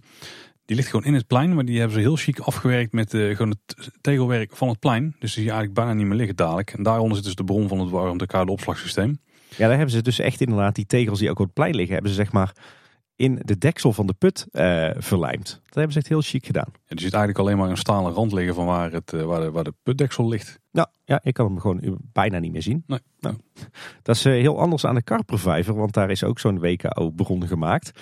Ehm, daar is hij ook in een grote betonnen put, maar in plaats van dat hij daar mooi verzonken ligt onder het straatwerk of onder het gras, eh, komt hij hier een heel eind boven het gras uit. Dus je ziet hier echt van heinde en verre die enorme betonnen bak eh, liggen. Daar is eh, misschien wat verkeerd gegaan met hoogtes. Vrij lelijk, dus laten we hopen dat ze hem nog even groen schilderen of rondom aanplanten met een haag. Ik denk dat dat het meest nette is. Wat wel heel tof is om te zien is dat ze in het grasveld aan de Karpervijver ook een aantal nieuwe bomen hebben aangeplant. Dus ze zijn bij de Efteling echt lekker bezig momenteel met nieuwe boompjes planten. Zouden die daar goed groeien? Want dat is best een schaduwrijk stukje, toch? Dat is behoorlijk schaduwrijk, ja. Ja. Nou, in de winter dan vangen ze in ieder geval wel wat, eh, wat licht. Nou, die warmte-koude systeemboringen die houden ook niet op. Want ook op het eh dwarrelplein en dan eigenlijk het bosplantsoentje wat achter die halve tussen airquotes cirkel lag. Dus waar wij vaak hebben opgenomen. Daar zijn ze ook eh, flinke putten aan het boren. Ja, ja het hele entreegebied en Anderrijk is straks eh, dekkend hè, qua warmtekoude Ja. Er wordt de hele bodem volgepompt in de zomer. Ja. Hey, het, eh, we hebben trouwens ook vernomen dat het, eh, het hele nieuwe warmte-koude opslagsysteem in het Anderrijk eh, en in het Entreegebied begin 2023 operationeel is. En daarmee gaat de Efteling ook 20% minder aardgas gebruiken. Natuurlijk eerder al gehoord dat dankzij de zonnepanelen dat ze 20% minder elektriciteit gaan gebruiken.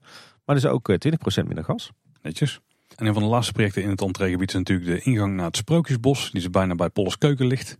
Die kolommen zijn inmiddels gesausd, nog steeds niet ingeschaduwd. Er zijn ook wat eh chique hekwerkjes geplaatst op de kolommen. Die worden nog voorzien van eh, schildjes, daar zal de Efteling hier opkomen.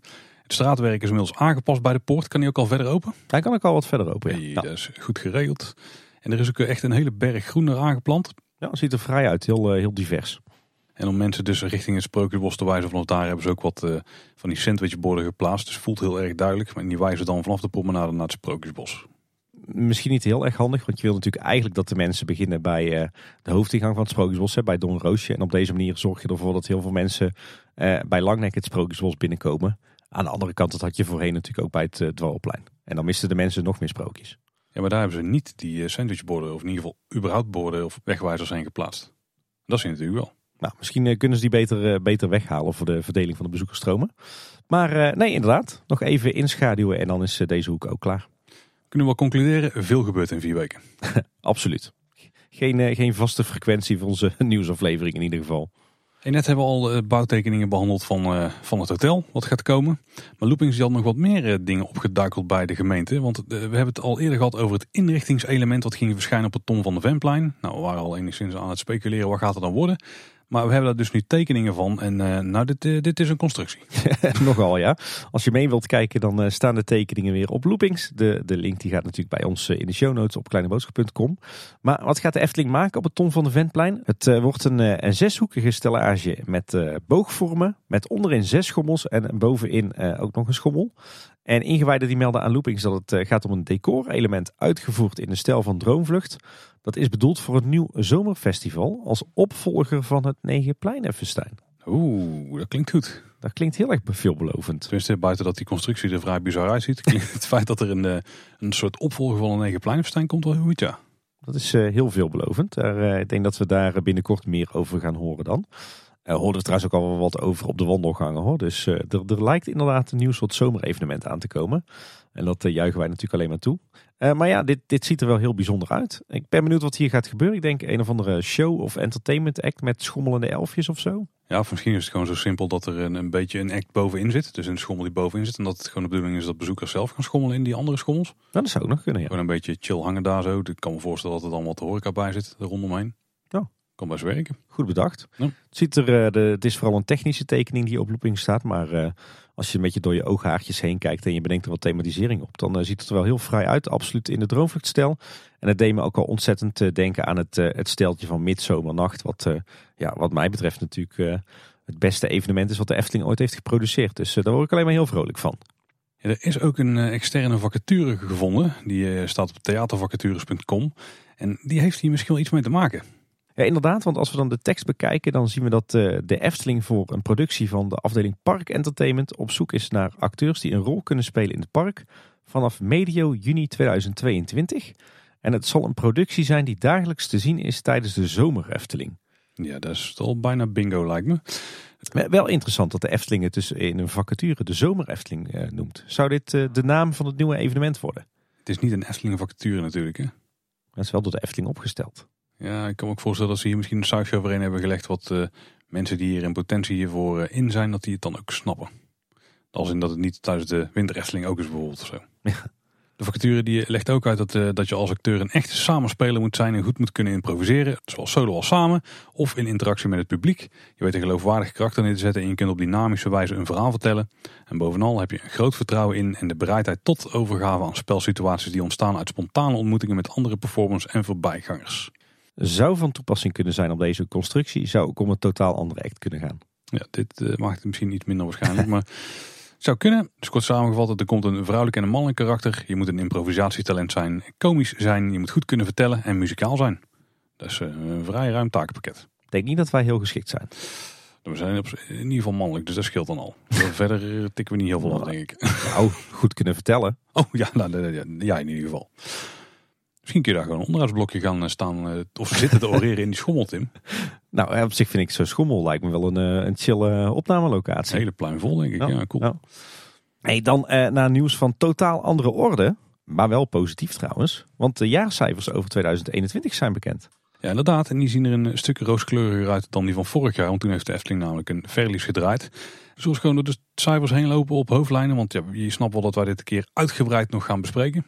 Ja, dat, dat klinkt vrij vaag, maar we kunnen wel zeggen dat we er heel concreet mee bezig zijn. Dat we intussen ook het jaarverslag van de Efteling hebben over 2021. En uh, dat we nu inderdaad de aflevering en de financiën van de Efteling in 2021 in uh, voorbereiding hebben. Dus uh, die gaat binnenkort opgenomen worden. Uiteraard weer met de Roel van Tilburg, die is er al flink mee bezig. De Efteling heeft in 2021 3,3 miljoen bezoeken mogen ontvangen. En dat in tegenstelling tot 2020, eh, toen het nog om 2,9 miljoen ging. Dus ongeveer 400.000 mensen extra.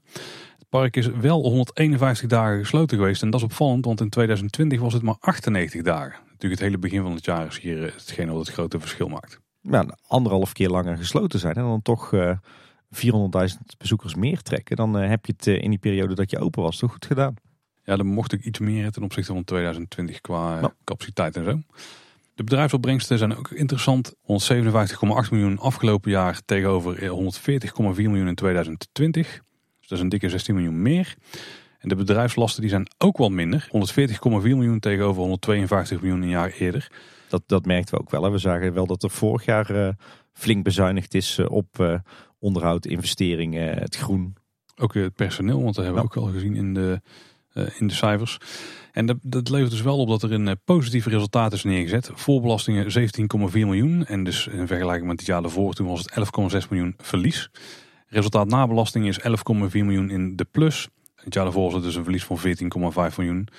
En als je het jaarverslag erbij pakt van 2020, zie je dat, daar, uh, dat zeg maar de winst van 2021 exact het verlies was van 2020. Nou, oftewel, ze hebben eigenlijk door uh, vorig jaar uh, heel erg de hand op de knip te houden, hebben ze eigenlijk het verlies over 2020, hebben ze in 2021 goed gemaakt en weggepoetst. Dat is ook hoe ze doen. Hè. Ze hebben geen dividend of zo uitgekeerd of dat soort zaken. Er wordt niks naar de stichting overgedragen.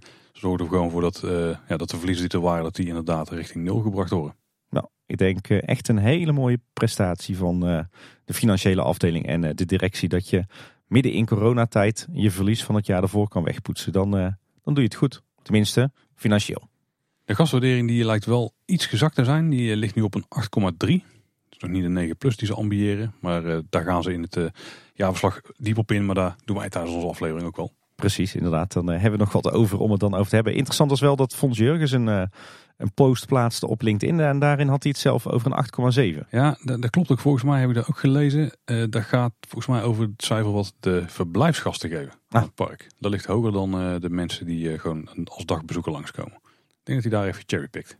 Ja, zo kan ik het ook. Een beetje de, de Duitse benadering. Hè? Ja, interessant trouwens wel in het, het bericht op de Efteling blog. Uh, is dat de inzameling van petflessen voor Villa Padus een groot succes is. Want in 2021 doneerden de gasten van de Efteling in totaal ruim 244.000 flesjes. En dat leverde Villa Padus 36.709,50 euro op. Als ik het goed uitreken, zijn dat ongeveer 18 gezinnen die kunnen langskomen ja. bij Villa Padus. Dat is een mooie opbrengst. Absoluut. Tof. Ja. ja. Vond het nog wel meer te melden op LinkedIn trouwens. Eh, die melden dat de afgelopen twee jaar alleen het noodzakelijk onderhoud is gedaan, Tim. Hoe jouw wacht gaat huilen. En, uh, maar wel dat dat nu onze aandacht verdient. Ja, en daar werd ik heel vrolijk van. En dat is denk ik ook iets wat we al sinds het begin van dit jaar uh, absoluut zien in het park. De fonds die heeft hier een emotionele rollercoaster voor Tim uitgedrukt in één zin.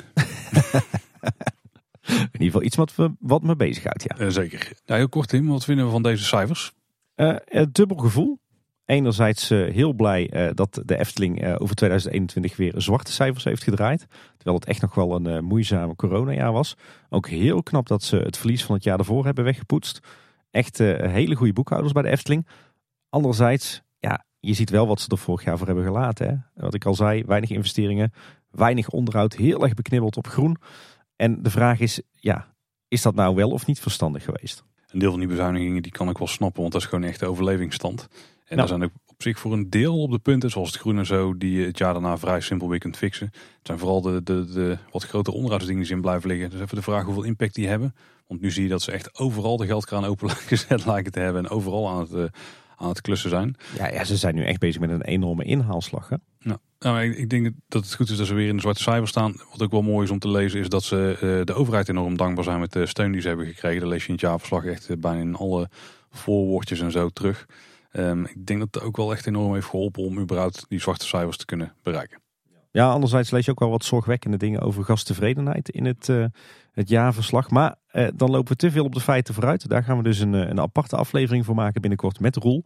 En daarin gaan we uitgebreid in op de inhoud van het jaarverslag. Maar laten we in ieder geval heel erg opgelucht zijn dat de Efteling vorig jaar alweer winst heeft gedraaid. En eh, dat het eh, de financiën goed op orde heeft.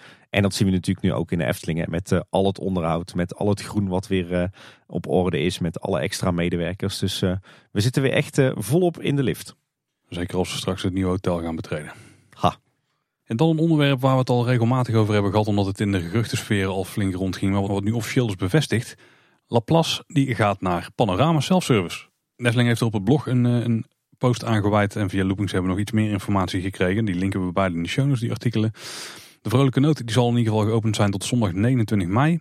En die gaat daarna verdwijnen, want dan gaan ze natuurlijk Efteling Grand Hotel er bouwen. Dus dan wordt heel die ruimte daar schoongeveegd.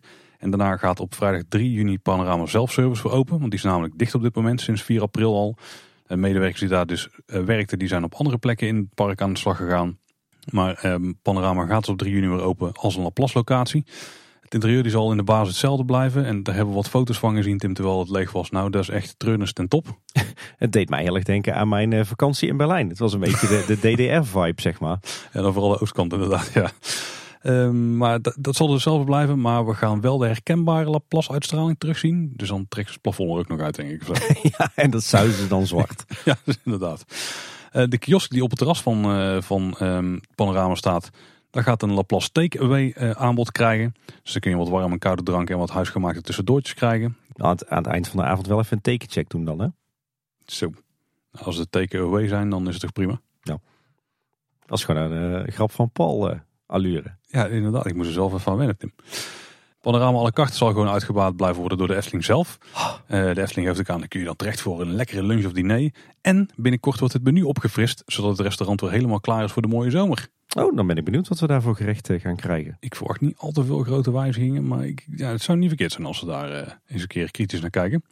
Loopings had trouwens wat, eh, wat meer informatie. Die wisten namelijk nog te vertellen dat er op een later moment toch een verbouwing gaat volgen van het eh, à la carte deel van Panorama. Als onderdeel van de tweede fase van de wereld van Simbad. Daar is natuurlijk al eerder uitgebreid op eh, gehint eh, door onder meer Sander de Bruin. Maar die plannen die, gaan dus door, maar wel in de toekomst. Ah, daar keek ik nog wel het meeste naar uit, denk ik. Ja, absoluut. Hey, wat, wat vind je ervan, Paul? Ja, volgens mij hebben we het eerder al gemeld. Niet heel erg eh, enthousiast in eerste instantie.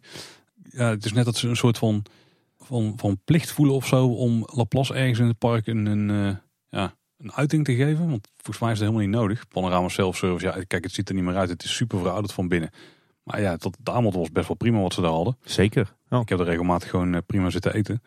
En nu krijgen we dan een Laplace, ja, prijs-kwaliteit verhouding. Nou, die is misschien wel hetzelfde.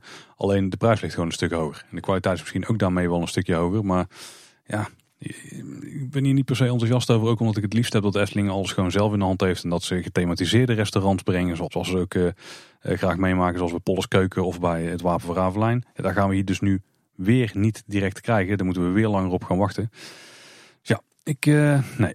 Ik, ik, nee, ben er niet enthousiast over. Nee, nee, ik ook absoluut niet. Eh, ik sluit me wat dat betreft wel aan bij jou. Ik moet zeggen dat, eh, dat Panorama Self-Service ook echt wel een soort hangout voor ons was. Eh, niet van dezelfde proportie als het Witte Paard. Dat een beetje voelt als de eigen keuken thuis, zeg maar. Maar we zaten toch stiekem best vaak. Zeker als we met grotere groepen waren. Gewoon even een uurtje lunchen bij buurten, zeg maar. En ja, op de een of andere manier, voel, ja, het voelt toch niet goed dat een externe formule midden in de Efteling een restaurant bezet. Om, het, eh, om maar in DDR-termen te blijven. Nee, nee, ik vind dat je dat best kan doen inderdaad in een entreegebied of in een uitrijk straks, maar niet midden in je park. Dit had gewoon een Efteling restaurant eh, moeten blijven. En ja, weet je, niks ten nadelen van de mensen, maar ik heb toch altijd het gevoel dat het, het, het Laplace personeel niet dezelfde cursus gastheerschap heeft gevolgd als, eh, als het Efteling personeel. Of die hebben niet diezelfde loyaliteit aan het, het merk en het product Efteling. Nou, ik denk dat dit wel een, een, tijdelijke situatie is. Ik vermoed dat er ooit een contract is getekend van uh, bijvoorbeeld tien jaar of zo. Toen uh, de Vrolijke Noot werd overgenomen door Laplace. En dat er daardoor een soort van verplichting is om dit te bieden. Ik vermoed dat als het allemaal op is, uh, dat, dat het contract afloopt, dat we dan gewoon de Efteling het zelf weer over nemen. En dat dan misschien het moment is dat Panorama flink wordt aangepakt. Het duurt nog wel echt een jaar of vijf. Nou, ik denk eerlijk gezegd dat Panorama à la carte, dat die al veel eerder wordt aangepakt hoor. Ik zou het niet erg vinden. Alsjeblieft doe er wel aan daar. Want het, oh, ja, en deze ontwikkelingen zorgen natuurlijk wel voor dat het uh, een, totale renovatie van het café-restaurant of sloop en nieuwbouw of ja, dat, dat, ja, die kans is natuurlijk niet heel, want je gaat nu weer heel erg plaatselijk dingen opknappen. Ja. plus we krijgen natuurlijk twee nieuwe locaties erbij aan de andere kant van het park, die vrij ambitieus lijken te gaan worden. Dus het is ook niet per se nodig om op zo'n plek in, ja nou op de plek in het park zou het prima kunnen, maar zeg maar voor een chic restaurant wat we graag hebben of echt een goed sit-down table service restaurant, ja, die gaan we gewoon op een andere plek in het park krijgen. Ik heb wel een beetje het idee dat, uh, dat er binnen de Efteling de, de, de visie op het café-restaurant uh, een beetje is gewijzigd de afgelopen tijd. Nou, een beetje. Ik heb het idee dat hij nogal uh, in de, de, de, de sinus ja. dus de weef zit, zeg maar. de, ene keer lijkt het heel erg te worden van... Dit gaat helemaal plat gegooid worden, alles wordt vernieuwd, alles wordt mooi. En dan is het weer, nou, we doen het, we doen het, het allerminst nodige om het nog enigszins levensvatbaar te houden of zo. Ja. ja, maar ook, ook het toekomstbeeld. Hè? Want wat jij zegt inderdaad, eh, er, er is toch best wel lang gedacht van nou, er komt iets uh, volledig nieuws. Uh, we hebben de afgelopen tijd wat mensen gesproken binnen de Efteling. Een aantal van die interviews zijn ook al uitgekomen. Een aantal liggen nog op de plank. En het lijkt erop dat de Efteling heel erg is gaan inzien dat het café-restaurant een heel erg waardevol historisch gebouw is. En dat ze er echt alles aan willen doen om het gebouw gewoon te behouden. En ook gewoon zoveel mogelijk in de huidige stijl. En wat ik denk dat we gaan krijgen, is dat we straks toch gewoon het ouderwetse café-restaurant houden. Waarin uh, toch weer twee losse concepten worden gehuisvest. Dus nu uh, Laplace enerzijds en zeg maar Panorama à la carte anderzijds. Nou, de Panorama à la carte wordt straks misschien omgevormd tot Wereld van Simbad restaurant. Dus je gaat straks toch weer dat, dat restaurant uit de jaren 50 krijgen. Met eigenlijk twee, ja, zoals ze dat dan in het Engels noemen, box-in-box concepten. Dus hè, en als het ware een doos in een doos. Dus het is eigenlijk een gebouw met daarin twee concepten geschoven. Die je misschien in de loop der jaren ook alweer kunt wisselen. Dat is eigenlijk gewoon dus wat het altijd al is geweest. Ja, eigenlijk wel. En dat blijft dus blijkbaar ook zo. Ik weet niet of ik hetzelfde uit die interviews heb gehaald. Hoor. Ik hoop gewoon nog steeds op dat dit een beetje de tijdelijke van overlevingsmodus uh, variant is die we voor de komende ja, zes, zeven jaar. Ik heb het net even gecheckt, maar volgens mij is de vrolijke noot een jaar of drie en een half of zo in de Efteling. Ja. Uh, dus nog een jaar of uh, ja, zes, zes en een half in de Efteling staat. En dat we dan de mogelijkheid hebben om echt er iets neer te zetten. Want het past niet echt in de gebiedsontwikkeling uh, die ze nu op andere plekken in het park lijkt te ambiëren. Trouwens ook specifiek in dat gebied, zelfs met de wereld van Simbad. Want als daar zo'n oer-oud-Hollands majestueuze jaren 50 gebouw hebt staan, ja, dat past natuurlijk voor gemeten bij de gebiedsontwikkelingvisie die ze hebben. Klopt. Maar dat geldt nu natuurlijk ook een klein beetje voor het Rijksrijkplein. Ja, absoluut, absoluut. Ja. Maar ik moet zeggen, ik zou op zich wel blij zijn als ze, uh, als ze het gebouw, het café-restaurant zouden behouden. Als ze uh, alle keukens en spoelkeukens en, en, en toiletgroepen helemaal leeg zouden slopen en alles zouden vernieuwen, nieuwe installaties erin. Breng de buitenkant een beetje terug in de oude staat. Met die mooie gelaagde terrassen naar de, naar, naar de vijver toe. Ik hoor niks nieuws nog tot nu toe. Precies. Maak nou van die bovenverdieping weer echt zo'n majestueuze ruimte met die grote ramen, met dat terras waarmee je uitkijkt op de vijver. Ja, en dat je dan twee tijdelijke formules erin schuift. Eén gethematiseerd bediend restaurant in Oosterse sfeer. En een ander concept. Nou ja, alsjeblieft straks weer uh, Laplace eruit en een Efteling concept erin. Daar kan ik op zich nog wel mee leven. Maar dan moet je het echt zien als een heel mooi historisch gebouw. Met daarin twee moderne formules geschoven. Maar dan wel volledig gerenoveerd, gerestaureerd en naar de standaarden van nu. Ja, hmm, ik, ik denk dat het toch nog een paar jaartjes overlevingsmodus wordt daar. Ja, dat, dat zal sowieso het geval zijn. Interessante business case in ieder geval. We gaan eens even kijken naar de stand van zaken rondom 70 jaar Efteling. Er wordt natuurlijk gevierd. Nou, er zijn wat Efteling Wonderland liedjes op Spotify verschenen. Volgens mij ook op Apple Music heb ik ze lang zien komen. Het gaat om uh, Welkom in het Efteling Wonderland. Opgeruimd staat netjes. Daar neem ik mijn hoedje voor af. En het niet verjaardagslied. De muziek dus die er langs wordt komen op het eh, feestje wat daar wordt gevierd. Dus die kun je ieder moment van de dag nu luisteren. En uh, de bijbehorende muziekvideo's of videoclips die staan ook op het Efteling YouTube kanaal. En we zullen zowel naar de, de muziek als naar de filmpjes even linken in de show notes. Er zijn ook nog wat dingen gebeurd op Efteling Wonderland zelf. zo lijkt het erop dat er een aangepaste handpop is voor de Maagdse haas. Misschien is het een, een stand-in handpop of zo, of een tweede exemplaar. Hij ziet er in ieder geval iets anders uit. Dit heb ik van eerste hand gehoord. Dit is gewoon een nieuwe versie van dezelfde pop. Dus dit oh. is een, een, meer verfijnde variant. Ah, kijk. Goed om te weten. En ook interessant, uh, alle gouden stoelen die eerst rond het podium stonden, die zijn allemaal weggehaald. Ja, ik, ik geen idee waarom. Misschien omdat meer mensen dan dichter bij het podium kunnen staan of zo? Ja, we weten wel dat ze best wel veel overlast ervaren van uh, kinderen die op het podium klimmen tijdens de show of ook buiten de shows. Misschien dat ze hopen dat dat minder wordt als die stoelen er in ieder geval al niet staan. Ja, dat zou kunnen zijn. Die, die kinderen zijn wel echt een probleem, hè? ja, kinderen in de algemene zin? Of, uh, nee, nee, specifiek hier uh, niet die van ons die daar het podium op klimmen en daar uh, allerlei kattenkwaad uit halen. Dat is wel jammer natuurlijk, want het concept was natuurlijk dat jij te gast bent op het, het feestje. En dat je plaats mocht nemen op die, die stoelen. Ja, misschien moeten ze echt gewoon een hekje plaatsen aan de rand van het, van het podium, zeg maar. Zodat je daar gewoon echt niet op kunt klimmen met op punten of zo erop. ja, dat is, dan, dat is dan een oplossing waar je op een gegeven moment toe moet, hè? Prikkeldraad. Ja, of van die anti-duiven op het balkon ja, zitten puntjes. Ja, precies. Ja, uh, overigens ook uh, naast al die uh, kinderen die het podium opklimmen, ook hier en daar toch flink wat vandalisme aan de decorelementen die op de weide staan. Ontzettend zonde, want daardoor, ja, het ziet er niet uit en ze verdwijnen allemaal achter hekken. Ik, ik snap echt niet dat dit nou zo moet gaan. Nee, blijven gewoon vanaf. Weet je, mijn kinderen krijgen een vrije opvoeding, maar ze weten in ieder geval dat ze niet allemaal spullen moeten slopen. Laten we hopen dat dat kwartje bij meer mensen valt. ja. Tim, ben je al een beetje gewend aan het vier moment om vier uur? Ik zou, uh, ik zou willen dat ik ja kon zeggen, maar ik heb er laatst nog weer een paar meegemaakt. Echt plaatsvervangende schaamte. Mooi hè? maar ik denk dat er misschien wel een leuke oplossing is. Afschaffen? Nou, kijk, weet je, uh, dat zullen de meeste mensen zeggen. Ik denk niet dat dat een haalbare kaart is, want dan, ja, je kan niet als Efteling na vier maanden zeggen, we, we trekken de stekker uit, ja, uh, uit het hoogtepunt van onze viering van 70 jaar Efteling. Maar ik zat te denken, als je nou eens probeert het een beetje in te tikken. Kijk, op zich het idee aan zich is, is best leuk. Er zitten best wel wat medewerkers tussen die het wel leuk aanpakken. Uh, maar lang niet iedereen zit erop te wachten. En daardoor wordt het allemaal ook een beetje... Ja, het wordt eigenlijk... Uh, het succes wordt een beetje te dun uitgesmeerd over het park. Waardoor het, het allemaal overal net niet is. Hè? Mm Maar ik dacht, als je nou eens gewoon één of twee of max drie plekken aanwijst in de Efteling... waar het vier uur moment wordt, uh, wordt gevierd. Denk aan Efteling Wonderland en uh, Harthof bijvoorbeeld. En je selecteert gewoon een aantal mensen die bij de Efteling werken die zelf zeggen: Ik kan dit en ik vind dit leuk. Uh, je geeft die in het plansysteem ergens een vinkje achter vier uur moment. En je zorgt er gewoon voor dat die mensen tussen half vier en half vijf uh, even uitgeroosterd staan. Dat kan gewoon in het plansysteem. Je zorgt dat die mensen dan de tijd krijgen om naar die twee of drie plekken te gaan waar dat vier moment wel wordt gevierd. en je zorgt dat je die mensen ook wat extra traint. Dat ze echt een beetje een flashmob-achtig optreden kunnen geven. Dan kan het volgens mij wel heel leuk worden. En dan belast je niet al het personeel ermee. Dan ga je die paar mensen binnen je personeelsbestand die het echt leuk vinden en echt kunnen, die ga je ervoor benutten.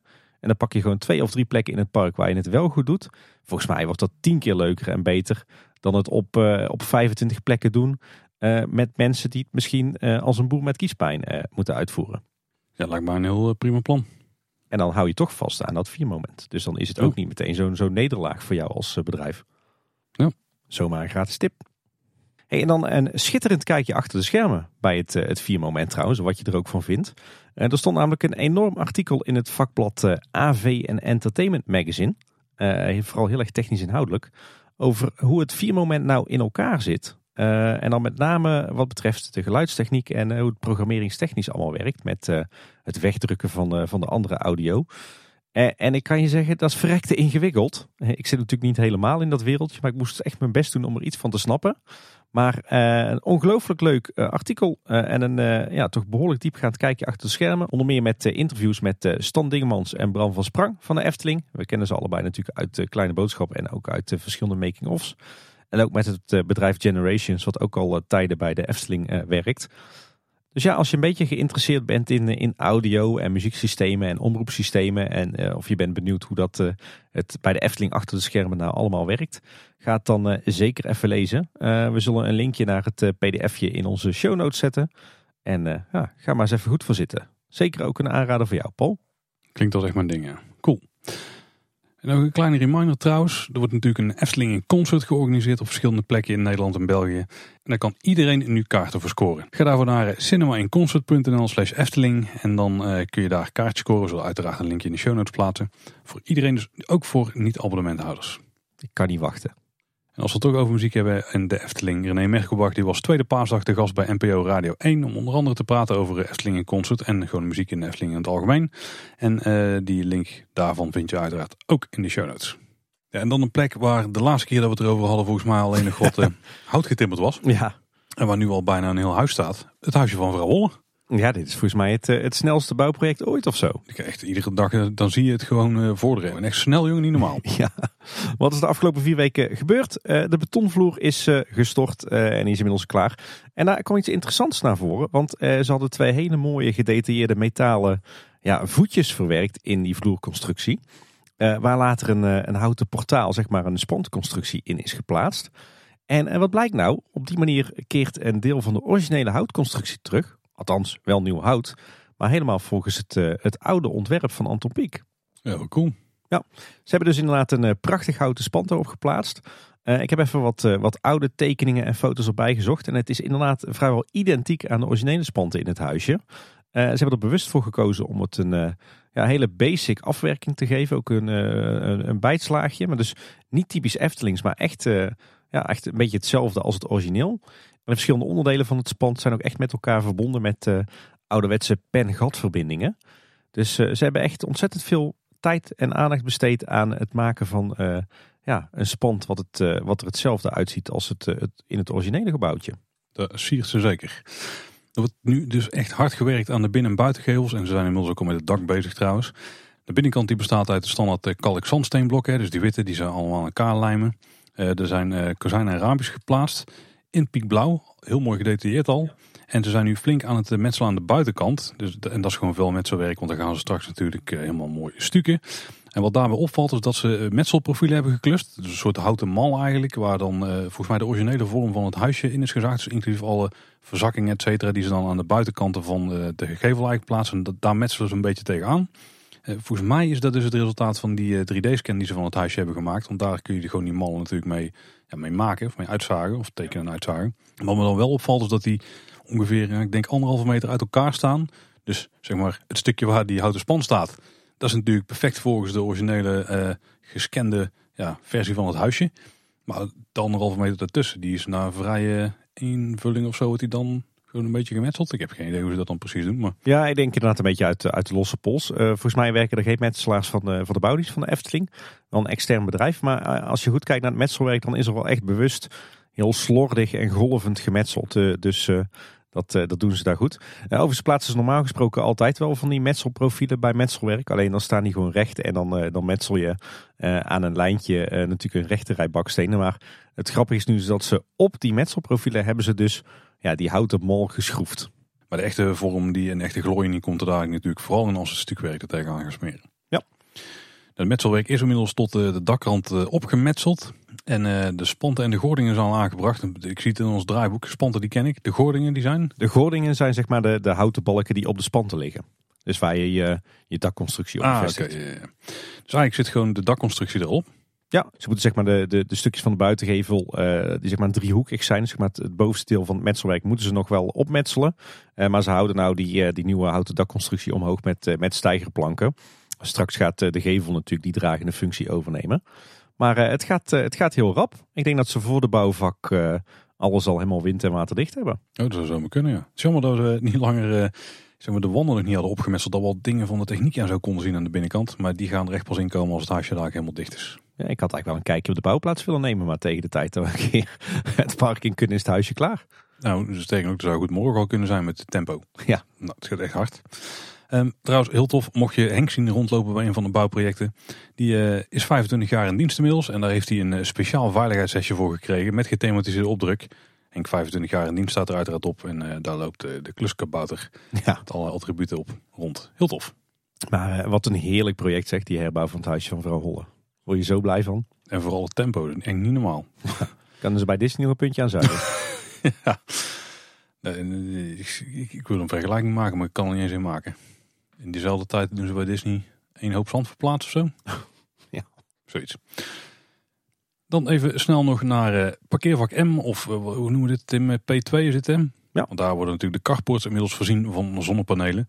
Eftel Wesley die is daar een uh, kijkje gaan nemen en die heeft daar een mooie video van geklust.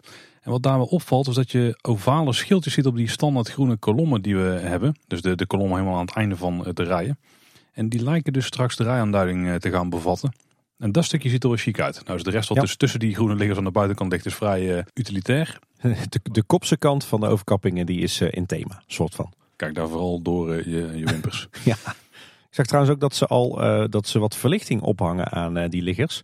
Daar komen van die, ja, een beetje van die platte LED-bouwlampen aan te hangen. Want als je natuurlijk straks in de zomer op een zomeravond in het donker je auto ophaalt, ja, dan moet je natuurlijk wel kunnen zien waar die staat onder de zonnepanelen. En je hebt er natuurlijk niks meer aan die grote schijnwerpers. nee, dat klopt ja. Nou, we weten dat de Efteling dus snel alles weer in gebruik wil gaan nemen. Dat heeft de Efteling zelf ook al eerder gemeld. We weten nu ook dat dit al voor het hoogseizoen weer het geval gaat zijn. En als we dan even kijken naar de huidige situatie. Ze hebben natuurlijk in het eh, begin van dit seizoen wat problemen gehad op de echt drukke dagen om eh, auto's kwijt te kunnen. Vanwege al die werkzaamheden op de verschillende parkeerterreinen. Eh, ze hebben nu ook weer een, eh, een wat nieuwere aanpak. Het is namelijk zo dat op de drukkere dagen dat het eh, personeel van kantoor Ravelijn dan niet meer mag parkeren op het parkeerterrein voor kantoor Ravelijn. Dat is dan namelijk volledig beschikbaar voor bezoekers. Dus op die manier is de korte kant toch weer in gebruik. Het personeel moet dan allemaal parkeren bij het dienstencentrum of op de Oude Horst. En dan gebruik maken van zeg maar de poort achter de Python. Staat die horst trouwens vol, dan eh, wordt het personeel op de weilanden eh, geparkeerd. eh, waar ooit nog een keer Strookrijk gaat verschijnen. Hè? De uitbreiding van het, het Ruigrijk aan die kant. Dus dan staan er ineens een hoop, hoop auto's in de waai. Werkt wel. Oost valt het de laatste tijd best wel mee qua drukte, moet ik zeggen. Zelfs tijdens de feestdagen. Door de week is het voor mijn gevoel best wel druk. Verrassend druk eigenlijk. Terwijl het in de weekenden nou, gewoon gezellig druk is. eh, maar zonder dat er echt capaciteitsproblemen zijn. Dus het lijkt erop dat de afgelopen weken de drukte heel erg mooi gespreid is tussen de door de weekse dagen en de weekenddagen. Eigenlijk weinig pieken meer. Dat is ook opgevallen ja. Sowieso door de week opvallend druk vooral. Veel schoolreisjes ook, maar ook gewoon eh, veel daggasten. Eh, P3, het, eh het eh, overloopparkeerterrein wat nu met puin is verhard, is eigenlijk al, al weken niet meer gebruikt. Dus misschien een slechte investering geweest. Mocht je nou de komende tijd naar de Efteling gaan en je wordt wel op dat overloopparkeerterrein geparkeerd en je, je moet dan naar de Efteling wandelen, want we weten dat de Efteling inmiddels geen pendelbussen meer inzet. Dan hebben we op zich wel een, een leuke route voor je bedacht. Zodat je toch een beetje vermakelijk naar de Efteling kunt wandelen. En wat je dan moet doen als je eh, het parkeerterrein verlaat, is dat je de Eftelingse straat op moet. Richting eh, de ingang van de Efteling. Dan krijg je eerst een heel mooi stukje ouderwetse Eftelingse straat. Het is echt nog zo'n ouderwets zandpad, helemaal omzoomd door, eh, door eiken. Kun je prachtig wandelen. Dan kom je voor Bosrijk uit. Kan je even genieten van het zicht op het poorthuis. Het eerste stukje Tim, wat Eftelingse straat is. Wat je er eventueel ook zou kunnen doen. is als je een beetje goed oplet, dan kun je tussen de bosjes door over de dijk lopen die aan de zuidkant van het parkeerterrein ligt. En dan kijk je zo mooi uit over de zonnepanelen daar. Oh, dat is een goeie. Goeie tip. Wil je improven nog een beetje? Ja, ja, heel goed. Eh, maar dan kom je dus uit, als je dat stukje Eftelingse straat uitloopt, kom je uit voor het eh, poorthuis, het hoofdgebouw van eh, Bosrijk. En dan ga je links het Eftelingse pad op. En dan, dan loop je eigenlijk richting de fietsenstalling van de Efteling door het Duits bosje. Krijg je dat ook eh, meteen mee, hè? Ook weer mooi onder de bomen. En dan kan je via de fietsenstalling het park binnen, loop je naar het Huis van de Vijf Zintuigen. En dan heb je meteen ook als voordeel dat dat een hele rustige route is. Hè? Want eh, het wandelpad vanaf eh, P2, vanaf KLM richting de hoofdentree is vaak heel druk.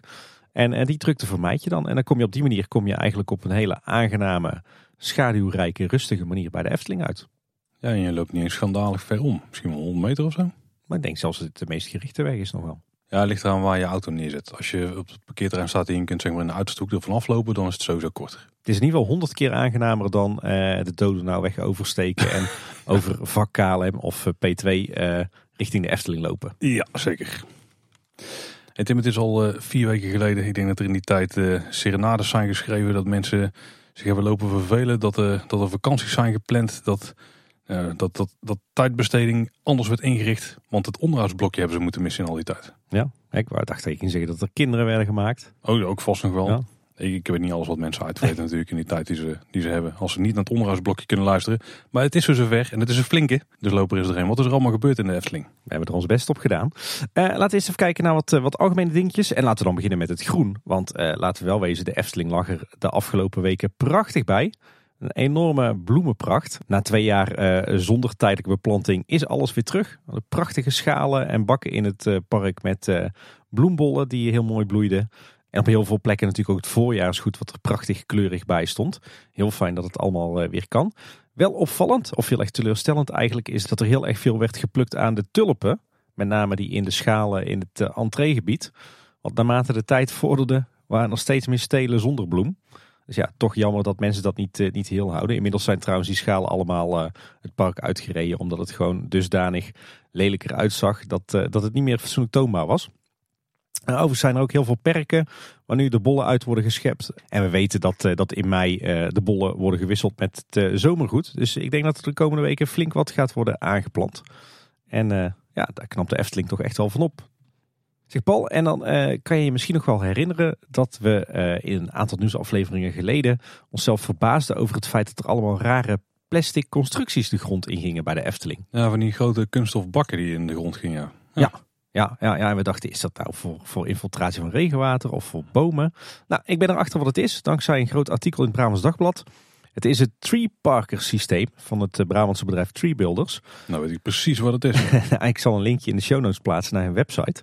Maar uh, ja, eigenlijk is het een soort modulair systeem waarmee ze ja, ondergronds onder het wegdek uh, een flinke groeiruimte maken voor een boom.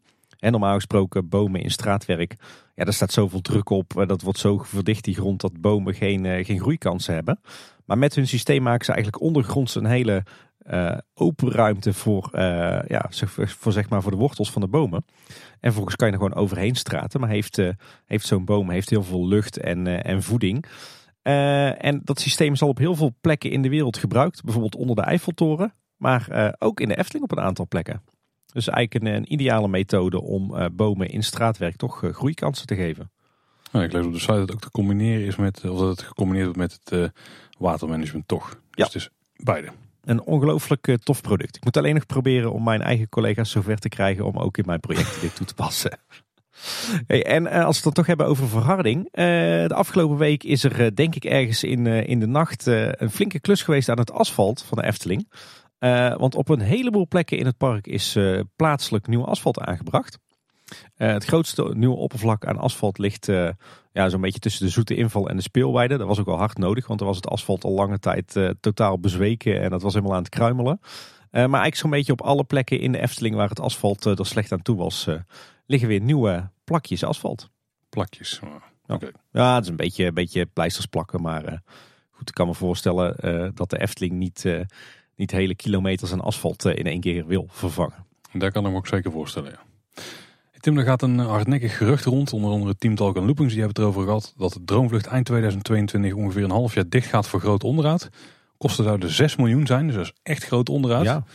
Daarbij zouden gedeeltes van de baan vervangen worden. Daarvoor zou zelfs het, eh, dak verwijderd gaan worden, zodat die uh, erin en uit getakeld kunnen worden. En alle verlichting gaat vervangen worden door LED. Het sompenwoud is nu natuurlijk aangepast, maar dan wordt alle verlichting aangepast. Ook de decors worden aangepakt. En Essling zelf die bevestigt daar op dit moment nog helemaal eh, niks over. Alleen dat er groot onderhoud gepland staat. Waarschijnlijk voor eind van het jaar. Maar verder niks over de grootte daarvan of wat er precies gaat gebeuren. Ja, het zou waarschijnlijk gaan om de gedeeltes van eh, de baan uh, die het zwaarst worden belast. Dus dat zijn de stukken waar de voertuigen omhoog gaan. Hè? Begin van het Kastelenrijk en tussen Hemelbrugte en Zompenwoud in is dan even mijn eigen invulling.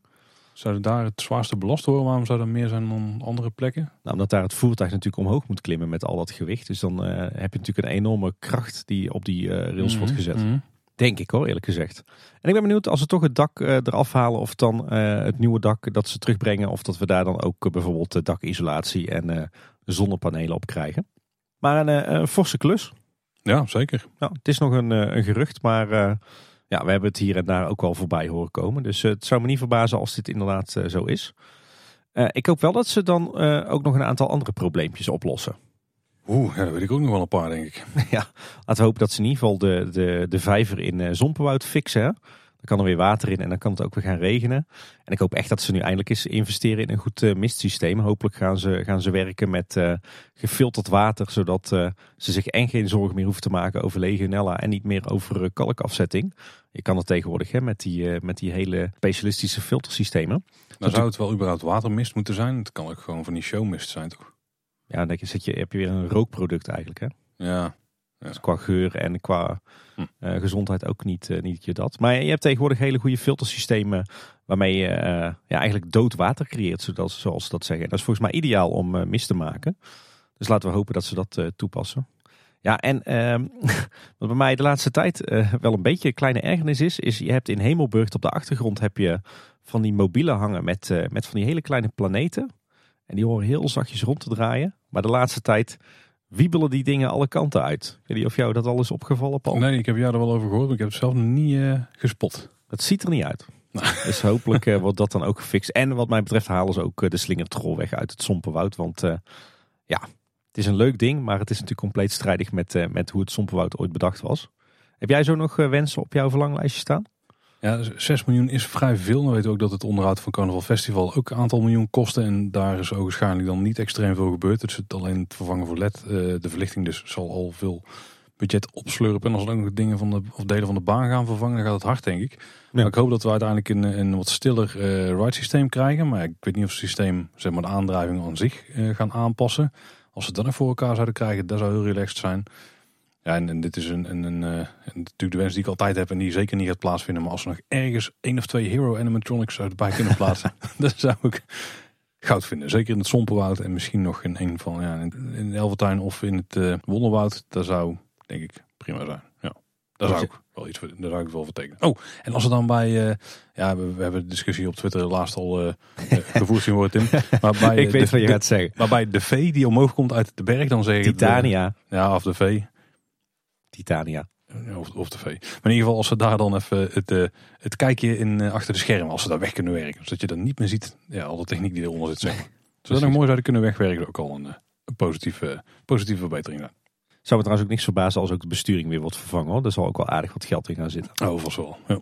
Hey, dan dan gaan we door met ons, eh, ons rondje park. Wat is er gebeurd aan onderhoud? We hadden het net al even over alle werkzaamheden aan de Aquanura vijver in relatie tot het Efteling Grand Hotel. Maar er gebeurt daar ook aardig wat aan onderhoud. Eh, de Steenbokvlonder die is eh, vrijwel volledig voorzien van nieuwe vlonderplanken en natuurlijk die nieuwe balustrade. En inmiddels zijn ook de stalen hekwerken geleverd die eh, gemonteerd gaan worden tussen die nieuwe houten staanders. In plaats van die houten hekwerken die toch eh, behoorlijk onderhoudsgevoelig waren. Ik moet zeggen, ze zien er vrij gedetailleerd uit. Dus ook daar is weer aandacht besteed aan het, het uiterlijk. Eh, verder lijkt eh, de firma Kuipers toch bezig te zijn met eh, onderhoud aan de fonteintechniek. Want ze hebben een behoorlijk fors te- ketenpark opgebouwd zeg maar aan de achterzijde van Fata Morgana. Ehm, en ik zag vandaag ook dat ze bezig zijn, de Efteling zelf volgens mij, met het, het jaarlijkse onderhoud aan de moving heads. Zeg maar die grote lichtmasten met die bewegende spots erin. Dan door naar eh, Symbolica. Daar waren wat problemen met de Pardoes animatronic in de Koningszaal. Die was namelijk zijn hoofd verloren. Ai, ja, pijnlijke storing. Eh, toen dat bekend werd, toen hebben ze trouwens wel meteen de attractie gesloten. Eh, goed dat ze niet gewoon door zijn gedraaid. Maar het hoofd is eh, snel daarna terug bevestigd en kon de attractie weer open. En in eerste instantie stond de animatronic nog wel stil. En eh, hing het hoofd een beetje scheef naar beneden. Maar binnen een paar dagen is het eh, volledig gerepareerd en nu werkt het weer. Eh, alleen nog een eh, kleine schade op de kin van Pardoes. En we vroegen ons de vorige keer ook af van wat ligt er nou voor rare houten schijven op de vloer in het observatorium. Met een kabeltje ernaartoe en zo en wat vaasjes erop. Eh, het zat net iets anders dan we dachten. Want er was niet iets toegevoegd, er was iets weggehaald. oh ja. Want wat blijkt nou, uh, wezen verschillende luisteraars ons op. Die houten schijf die staat er altijd al. Alleen normaal gesproken staat er een globe op, zo'n mooie wereldbol. Ja, ja, ja. En, en dan worden die terracotta vaasjes die nu op dat houten ding stonden, die worden dan gebruikt om de elektriciteitskabel te maskeren. Eh, die globe die is nu weg, eh, waarschijnlijk in onderhoud. En ja, dan zie je dus alleen die houten voetplaat. Dat verklaart het, ja. En eh, wat problemen met eh, de ridders in de Heldentour, die zijn al lange tijd eh, defect. En eh, nog een positieve ontwikkeling bij Fabula.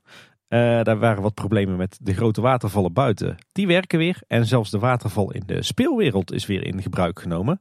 En dat is volgens mij ook al aardig lang geleden. En daar heb je nu ook weer zo'n eh, stroompje water over de vloer lopen. Oeh, moeten we oppassen van al te voeten. Dan eh, door naar het andere rijk, naar de Fata Morgana. Daar zijn dakdekkers gespot op het dak van de meandering. Eh, en dat is volgens mij een hele positieve ontwikkeling. Want we hebben daar natuurlijk al jarenlang eh, vochtproblemen. Die ervoor zorgen dat het eh, plafond van die meandering er echt verschrikkelijk lelijk uitziet. Ja, wellicht dat er nu een nieuw dak op komt. En dat dan ook het stukwerk en schilderwerk kan worden aangepakt. Zou niet verkeerd zijn. En wat ook heel cool is, is dat de projectie van de verboden stad, die is dus weer een tijdje terug. Maar ze hebben daar nu ook een wijziging aan gedaan. Want als je namelijk dan er voorbij bent met je bootje, dan moet hij natuurlijk ook weer terugkomen, zodat de volgende boot hem weer kan zien verdwijnen. En het was, vroeger was dat gewoon eh, van een op het andere moment was hij er weer. Maar nu verschijnt hij ook weer heel subtiel terug. Met een vergelijkbaar effect als het verdwijneffect. En dan, dan staat hij weer klaar voor de volgende boot. Ziet er heel mooi uit, ja. Volgens mij heeft Eftel Wesley daar een leuk filmpje van gemaakt. Ja, die heeft een heel goed kunnen vastleggen. Ja. En nog wat kleine dingetjes. Uh, de kanonier bij het valhek, bij de, de gevangenis zeg maar. Die heeft een nieuw vlammetje op zijn toorts van LED. Dat ziet er mooi uit. En er waren wat problemen met, met de laatste kalif, de, de Peppers Ghost zeg maar, voor de, de windsectie. Er waren volgens mij wat kabels gebroken of zo, want die uh, hing een hele tijd voorover met zijn kop. Uh, maar dat is inmiddels weer allemaal netjes gemaakt. Tot dan naar Max en Moritz. de Max-trein die is weer compleet, inclusief de locomotief met het, het, thema. Die was een tijdje weg voor onderhoud. En in de wachtrij was wat, waren wat stickers beschadigd hè, van de, de aankleding van de wachtrij, zeg maar. En ook die is weer gerepareerd. Bij de Piranha is natuurlijk een aantal jaar geleden de hele gevel opnieuw gestuukt. Uh, er beginnen nu toch weer wat problemen te ontstaan uh, bij de ingang van de opstaphal. Als je er naartoe loopt vanuit de meandering, eerst op dat tunneltje en dan met het trapje omhoog. Daar laat wat stukwerk los van de gevel. en dat begint er langzaam maar zeker wel wat, wat lelijk uit te zien. Dus, dus hopelijk is daar de komende winter wat, wat aandacht voor. hadden we natuurlijk nog een brandje bij matroos Gijs. Maar die doet het inmiddels weer gewoon. Kijk. En ook nog iets verrassends. Uh, de bewegwijzering in de Efteling die loopt natuurlijk een beetje achter af en toe. Qua uh, benamingen en waar verwijs je wel naartoe en waar verwijs je niet naartoe. Uh, maar laatst was er ineens weer een aanpassing. want de wegwijzer op het Piranhaplein die verwees nog naar de Steenbok. En dat hebben ze nu aangepast naar Vrouw Boltes Kuche. Maar het wachten is natuurlijk op een opfrisbeurt voor alle wegwijzers. Dan door naar de Vliegende Hollander. Die, uh, het gebouw stond natuurlijk aan de buitenzijde grotendeels in de stijgers voor een grote onderhoudsklus. Inmiddels zijn alle stijgers afgebroken en zien we het resultaat. En wat blijkt, er heeft daar een flinke schilderklus plaatsgevonden. Uh, al het houtwerk is opnieuw geschilderd of gebijtst. Maar ook de polyester boten aan de gevels, die al behoorlijk lang ja, er heel erg vervaagd en vaal uitzagen. Bijna wit af en toe. Die zijn weer mooi uh, bruin geschilderd. Dat ziet er prachtig uit. En ook het uh, stukwerk is weer opnieuw gesausd en ingeschaduwd. Dus uh, de beide gevels van de attractie die zien er nu weer uit om door een ringetje te halen. En er zijn ook nieuwe vaandels aangebracht. En wat een geluk bij een ongeluk was, er waren wat mensen die zaten in een vliegende Hollander en die vaarden net de eerste scène in. Eh, dus uh, tussen de, dat ze tussen de boegen doorvoeren, zeg maar. Toen viel de attractie stil. Toen werd de werkverlichting aangezet. En uiteindelijk ging de attractie weer draaien. En toen hebben ze het hele stuk dus kunnen afleggen in werkverlichting. En dat is ook gefilmd. Die link zal even in de show notes eh, plaatsen van de video op YouTube. Maar ook Team Park Viking op Twitter die heeft wat foto's geplaatst. Maar vooral die video is echt de moeite. Want dan zie je namelijk gewoon alle scènes tot het moment dat de, dat de, de boot weer naar buiten gaat. Dat je naar beneden valt met werkverlichting. En dan zie je toch in één keer dat sommige ruimtes waar je komt veel kleiner zijn dan dat je misschien had verwacht. Ja. Zeg maar, het stukje tussen het water gedaan in de boot, daar is echt gewoon bijna niks. Terwijl voor mijn gevoel er altijd uh, nog best een end wat je dan uh, vooruit gaat. Maar dat valt wel mee. Ja. Nou, heel cool. Dan uh, verder Tim, naar de volgende attractie. Ja, heel veel ontwikkelingen bij Joris en de Draak. is natuurlijk een tijd lang dicht geweest voor een grote retrack. inmiddels weer open. En dat is maar goed ook, want wij hadden weer een feestelijk momentje in het gezin. Want mijn oudste dochter die mag nu eindelijk ook in Joris en de Draak. Hey, ja, onze jongste ook. Die zijn ongeveer even oud, dus dat klopt dan. Ja, precies. Ligt er trouwens wel even aan welk schoeisel dat ze aandoet. Want we kwamen er laatst achter. Uh, dus was er een keer of zes in geweest met, uh, met ons, verspreid over verschillende bezoekjes. En toen had ze voor het eerst de sandaaltjes aan. En toen mocht ze er niet meer in. Oh. Dus uh, nou, toen was het verdriet groot natuurlijk. Maar zolang ze de schoenen of de laarzen aan heeft, dan mag ze erin. Met veel plezier. Hey, maar wel een, eh, een probleempje, want op dinsdagochtend 10 eh, mei, eh, toen stond mijn telefoon weer roodgloeiend. Want iedereen ging me weer appen van, er gaan allemaal P2000 meldingen uit van een brand bij de Efteling. Was gelukkig niet zo spectaculair, ehm, maar er was, waren wel problemen bij Joris en de Draak, want een deel van de baan was aan het smeulen. het probleem ontstond, hoe kan het ook anders, bij de vuurbaan. Ja. Uh, zodoende kon de waterbaan vrij snel na het, het, blussen van het smeulen weer open. En het beschadigde stuk van de, de vuurbaan wordt in ieder geval zo snel mogelijk gerepareerd. Uh, de Efteling die berichtte daarover. Uh, er wordt nu hard gewerkt door de brandweer. En op de achtergrond is de bouwdienst al bezig met een plan om de baan te repareren.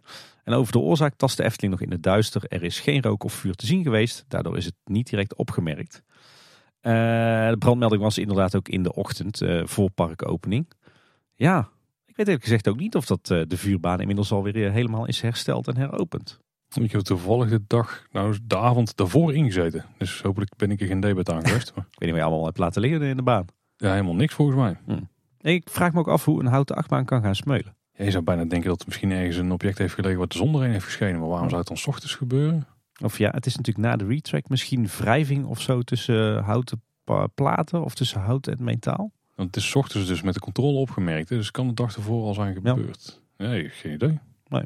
Hm. Je zou bijna zeggen met al die brandjes van de laatste tijd eh, toch maar weer een eigen bedrijfsbrand weer eh, nemen als Efteling. Dat is toch een soort van uh, vurige wens van jou, of niet? ja. Um, Loopings kwam nog met een interessant bericht. Uh, binnenkort krijgt Draak Etna alsnog onderhoud. En de Efteling die zegt erover, we willen hier op korte termijn nog mee aan de slag, maar het is afhankelijk van meerdere factoren. Nou, heel tof dat die onderhoudsbeurt er dus alsnog gaat komen. Uh, het is onbekend of het alleen om een schilderbeurt gaat of ook om het herstel van de bewegingen. Maar als ik geld moet inzetten, dan uh, denk ik dat het alleen een schilderbeurt is. Maar goed, dat is aan zich natuurlijk ook al een enorme verbetering. En dan nog een heel bijzonder berichtje op Loopings. Uh, er was er laatst een, uh, reddingsactie voor een rat die terecht was gekomen in de betonnen bak, uh, zeg maar onderaan de lifthill. Rattig. ja, there's a rat in my ketting, what am I gonna do? Zo, de zangkunsten worden steeds beter, Tim. Ja, Respect. Ja, ja. En rijmkunsten ook. Uh, de Efteling die zegt erover, dat was puur voor de veiligheid van het dier zelf. Nou ja, je zou zeggen, een rat minder is alleen maar mooi meegenomen, maar goed. Uh, als de rat zou blijven zitten tijdens het rijden van de attractie, zou het dier in de beknelling kunnen raken in de aandrijving. Ja, ik denk dat de Efteling daar al naar doorschemeren wat de werkelijke reden is. Want als die rat inderdaad tussen ketting en kettingwiel terecht was gekomen, dan uh, was denk ik de technische schade ook groot. En zie dan maar weer eens alles uit de kettingbak te peuteren. Maar uh, leuke videobeelden op uh, loopings. Door naar de halve maan. Ik kreeg natuurlijk binnenkort nog een uh, paar dagen onderhoud. Er is natuurlijk heel veel aangesleuteld de afgelopen twee jaar. Ik heb toch het gevoel dat die nog niet helemaal goed werkt. Want ik zat er van het weekend in. En je merkt dat de banden die het schip moeten bewegen, dat die toch nog niet helemaal lekker meedraaien met de beweging van het schip. Dus af en toe dan... Dus de timing gewoon nog niet helemaal lekker. Nee, zeg maar waar je vroeger waar die banden mooi meebewegen met het schip, dan haperen ze nu een beetje of zo. Ik weet niet wat dat is. Maar goed, binnenkort uh, weer een weekje dicht en uh, hopelijk kunnen ze het dan fixen. En uh, over dicht gesproken, Baron 1898 is in onderhoud vanaf 9 mei tot eind mei. wat kunnen we zien tot nu toe? de schachttoren die staat deels in de stijgers. maar er zijn ook wat heren aan het klimmen in de schachttoren. Lijkt me een heel spectaculair klusje. En zo te zien zijn ze bezig met een grote controle van alle bouten in eh, de toren. Dat eh, moet natuurlijk ook vanwege allerlei veiligheidsregels. En we zien dat de gestukte muren aan de voorzijde van het gebouw, zeg maar aan het plein, dat die eh, helemaal zijn ingepakt en opnieuw zijn gesausd en binnenkort wel zullen worden ingeschaduwd. En in de meandering is ook gewerkt. Daar zijn nog een aantal houten balken vervangen in de hekwerken. En wat zien we nog meer in het, het Ruikrijk? Er wordt gegraven bij station de Oost. Mogelijk vanwege wat eh, kabelwerk. Eh, er is een lantaarnpaal platgereden tussen de Game Gallery en, uh, ik wou zeggen Polka Marina, maar daar dus ergens. En er is een nieuw klapbordje bij de uitgang van de traptreintjes verschenen. die moeten ze alleen nog even netjes thematiseren. Ja, dan de status van het onderhoud bij de pagode. We hebben natuurlijk daar een rondje mogen lopen, maar ze zijn inmiddels weer een paar stappen verder. De toren die staat er op de tempel en het ziet er weer uit echt als nieuw. Schilderwerk echt enorm fraai uh, opgeknapt. En uh, net alsof het weer 1987 is. Misschien was wel een verbeterde versie van dan. Ja, lekker fel, lekker kleurrijk. Ja. En het schilderwerk van de tempel zelfs ook afgerond. Daarom zijn ook alle stijgers al weggehaald. Er wordt ook gewerkt aan de verlichting onder de tempel. De moving heads die hangen er inmiddels al in, zoals ons was beloofd. Meandering is ook weer terug. Het ingangsbord is verdwenen. Krijgt ook een opknap beurtje lijkt me. En vandaag uh, op de dag van opname zijn er eerste testritten geweest. En wat het in de aflevering al benoemd, de testen de galing van een paar weken in beslag nemen. En wat er opvalt nu is dat ze de zeilen onderin nog niet hebben teruggebracht. En dat er ook nog geen poortjes in, uh, in, in ja, eigenlijk het eiland zelf zitten. Dus je, er zitten nu gewoon een paar eh, van die suffe afzetlintjes. dus niet, nog, zeker niet geschikt voor gasten, maar wel een uniek beeld nu met die, ja, die rok die er niet in zit, zeg maar. Nee, nee, inderdaad. En we hebben natuurlijk tijdens eh, die aflevering, hè, dat was aflevering 269, kregen we een kijkje bij het grote onderhoud ging het natuurlijk over dat ze volgens mij zes weken de tijd hebben voor allerhande tests en uh, certificeringen en duurtests. Dus uh, daar hangt een heel programma aan vast. Ja, en dan uh, een puntje, dat gaat jou echt aan het hart, Paul. Ja, dat ging ook wel omhoog, namelijk groen. Want bij Carnaval Festival er zijn van die plantvakken gemaakt. Daar zijn inmiddels wat de gethematiseerde hekwerkjes langs geplaatst. En die zijn in thema Tim, want daar zit een rode neus bovenop als bolletje. Ja, heel cool. Alleen je moet er niet op gaan zitten, denk ik. Uh, als je op de juiste plek gaat zitten, dan kan het net. Maar dan zit je nog steeds vrij laag. Um, je hebt eigenlijk uh, hoge en lage uh, hekjes. En daartussen is inmiddels groen geplaatst. Ik hoop dat door die hekjes dat het daar niet kapot gelopen gaat worden. Nou, daardoor zijn mensen ook netjes hun buggies er toch langs gaan zetten. Daar valt me niet tegen. Ik weet niet of er mensen instructies staan te geven, maar dit lijkt toch wel enigszins... Nee, dat gaat redelijk, redelijk vanzelf. Ik heb zelf eigenlijk nog niet een ritje gedaan in Carnaval Festival sinds dat die vakken er zijn. Dus ik weet niet wat het voor de guestflow doet. Ja, ervaring? Ja, ik ben er wel in geweest. Ik, uh, voor mijn gevoel doet het niet extreem veel voor de guestflow. Oh. Is het met name gewoon een, uh, een, een goede buggystalling nu. Ja, en of dat ook de bedoeling is, weet ik niet. Voor een deel wel, denk ik. Nou, in ieder geval, beplanting zit er nu ook in. Dus het ziet er straks ook nog fraai uit. Want ja, met alleen die braakliggende stukjes grond was het een beetje treurig. En blijkbaar zit hier een bijzondere plant in. Nou, eh, bijzonder weet ik niet. Maar we, we hebben dankzij eh, Leon uh, kunnen achterhalen wat erin staat. Het schijnt uh, de glansmispel te zijn. Okay. Of in Latijn de Photinia fraseri red robin. Voor wie meeschrijft. Klinkt goed. Hey, jij bent nog niet in Carnaval Festival geweest. Ik wel. Ik kan in ieder geval vertellen dat de meandering helemaal is opgeknapt. we vertelden al eerder dat er allemaal werd geschuurd en dergelijke. inmiddels is alles afgelakt. Net als bij de Droomvlucht trouwens. Dus dat ziet er weer netjes uit. En uh, de waterval in de, de Afrika-scène, of de jungle-scène, die werkt eindelijk weer. En daarmee werkt trouwens alles weer. Want uh, alle bewegingen, alle effecten, alles werkt op en top in Carnaval Festival momenteel. Naast Carnaval Festival ligt natuurlijk de wereld van Simbad. En Archipel staat nog steeds zonder water. Loopings die weten er wel wat meer over. Want dat heeft te maken met het uitblijven van een officiële keuring door de TUF. Die moet daar namelijk nog een, een zegen over gaan geven.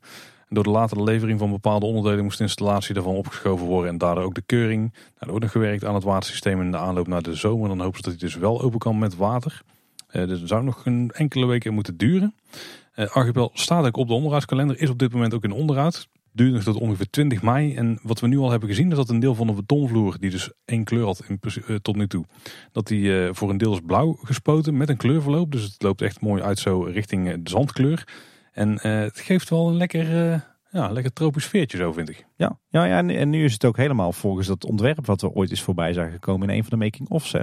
Ik zou het ook helemaal niet erg vinden als ze dit gaan doen rondom, uh, of in de vijverbak eigenlijk die rondom de draaischijf zelf ligt. Al weet ik niet helemaal hoe het gaat werken met de techniek die onder water ligt daar. Misschien is een beetje troebel water daar niet erg. Ja, precies. Ja. ja. ziet er wel inderdaad lekker kleurrijk en tropisch uit. Nou, de rieten daken in Archipel die waren flink gehavend. Hè, want eh, de, de, plekken waar je de huisjes binnen kunt, kon je ook bij het rieten dak. En daar werd nogal uh, aangetrokken uh, door de kinderen die daar aan het spelen waren. Dus daardoor uh, ja, sneuvelden die daken op die plekken. Ze hebben daar nu een oplossing voor bedacht. Er zitten wat, ja, hoe noem het eigenlijk Tim? Ja, een beetje van die houten driehoekjes hebben ze zeg maar uitgetimmerd. Ja, zodat je, dat je daar in, in principe niet meer bij het, bij het riet kan. Het ziet er anders uit dan de rest van het hout van die huisjes. Want het zijn natuurlijk een beetje rietenhuisjes. En dit zijn gewoon, ik denk, hardhouten ja, planken die daar zijn Ja, ja er zijn ook nog iets donkerder gebijtst dan, uh, dan de rest van het hutje. Dus uh, ze hadden ze bijna beter gewoon blank kunnen houden. Nou, het ziet er op zich wel oké uit. Maar het is niet helemaal in stijl lijkt het met de rest van, uh, van het hutje.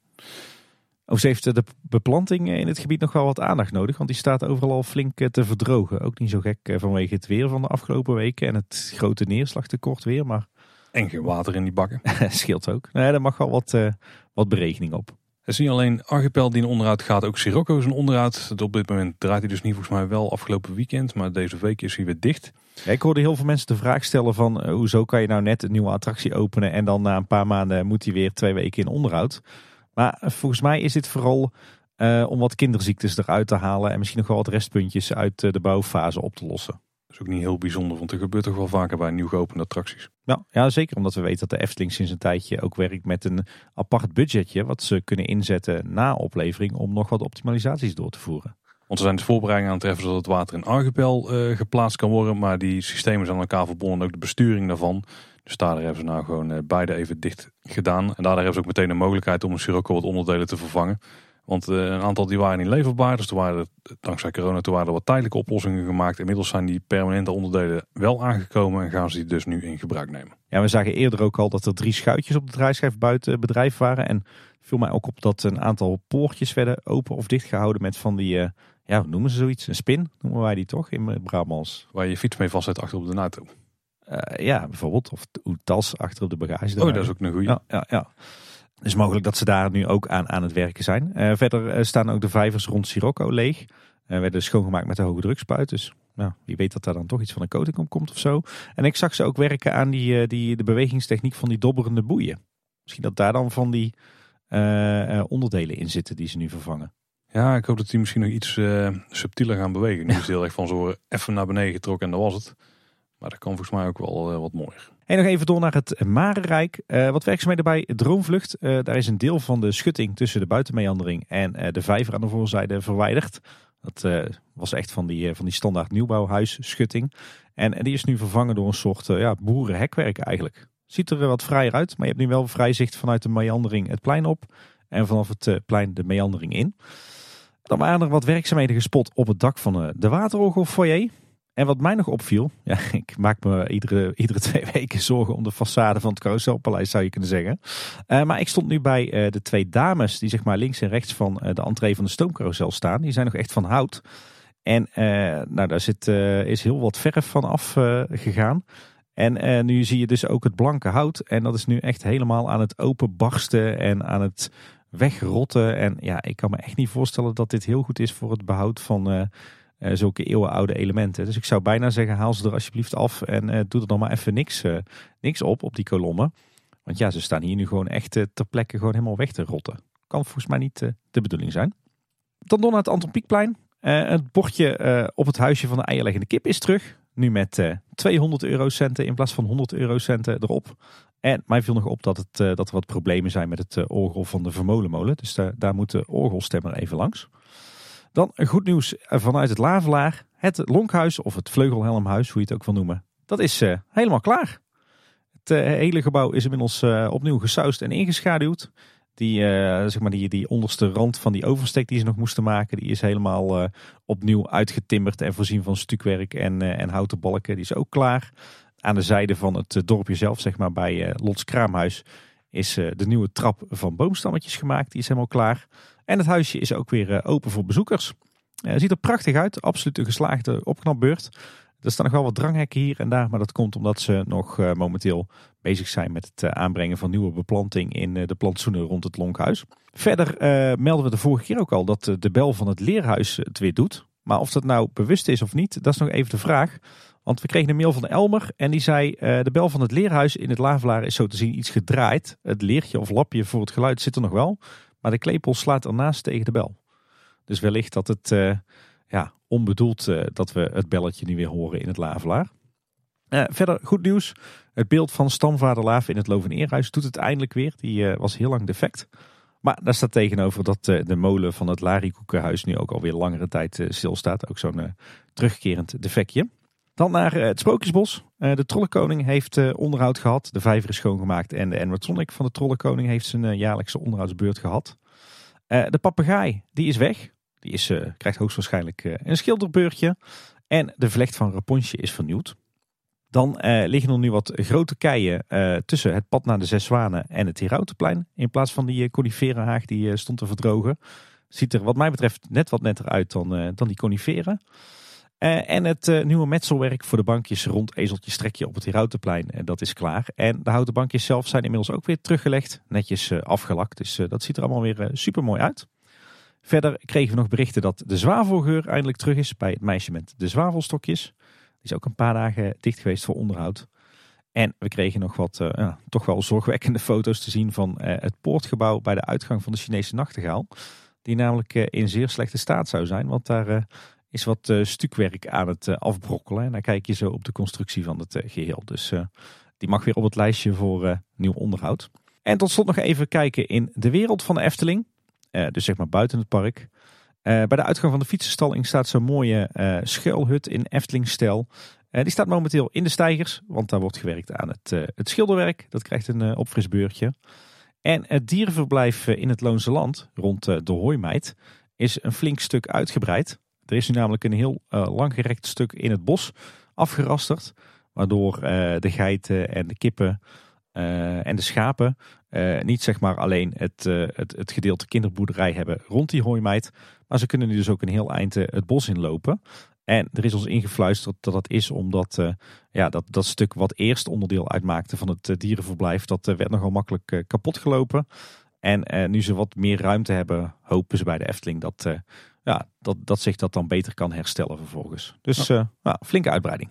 Ja, dan doen we het kort nieuws. Ik ga dit nog heel kort proberen te houden, want anders komen we in upload tijdnood, denk ik, van onze host.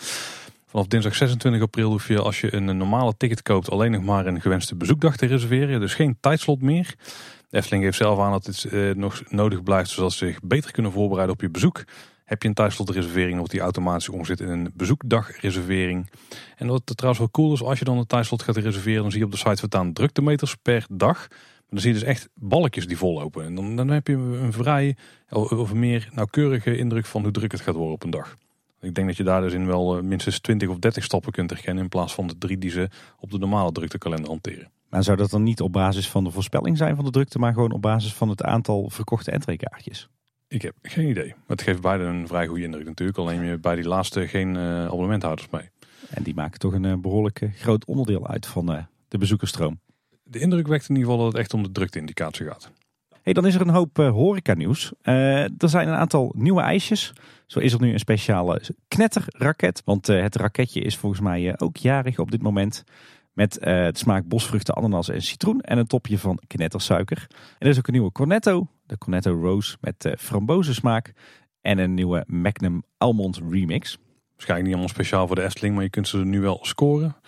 Um, Efteling, het is wel groot nieuws Tim, want alle Swirl Happiness Stations die eh, zijn verdwenen uit de Efteling. Als in het concept van het ijsje krijgen daar waar je wat toppings bij kunt gooien, dat blijft. Maar het wordt niet meer uitgebaat door Ola, want uh, die zijn er gewoon helemaal uitgegaan. Het Swirl concept is namelijk overgenomen eerder dit jaar door Steinmans.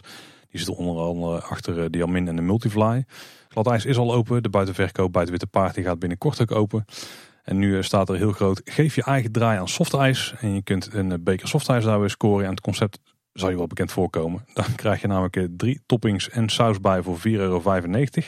En je kunt ook een uh, feest special krijgen voor 4,95 euro met mango pure chocolade, aardbeisaus en confetti. En wat wel leuk is, het, het Swirl Happiness Station bij uh, Pols Keuken blijft natuurlijk gewoon glad ijs heten. Maar het, het Happiness Station bij het Witte Paard heeft een eigen naam gekregen, namelijk IJssalon La Dame Blanche. Natuurlijk uh, prachtig uh, toepasselijk om meerdere redenen.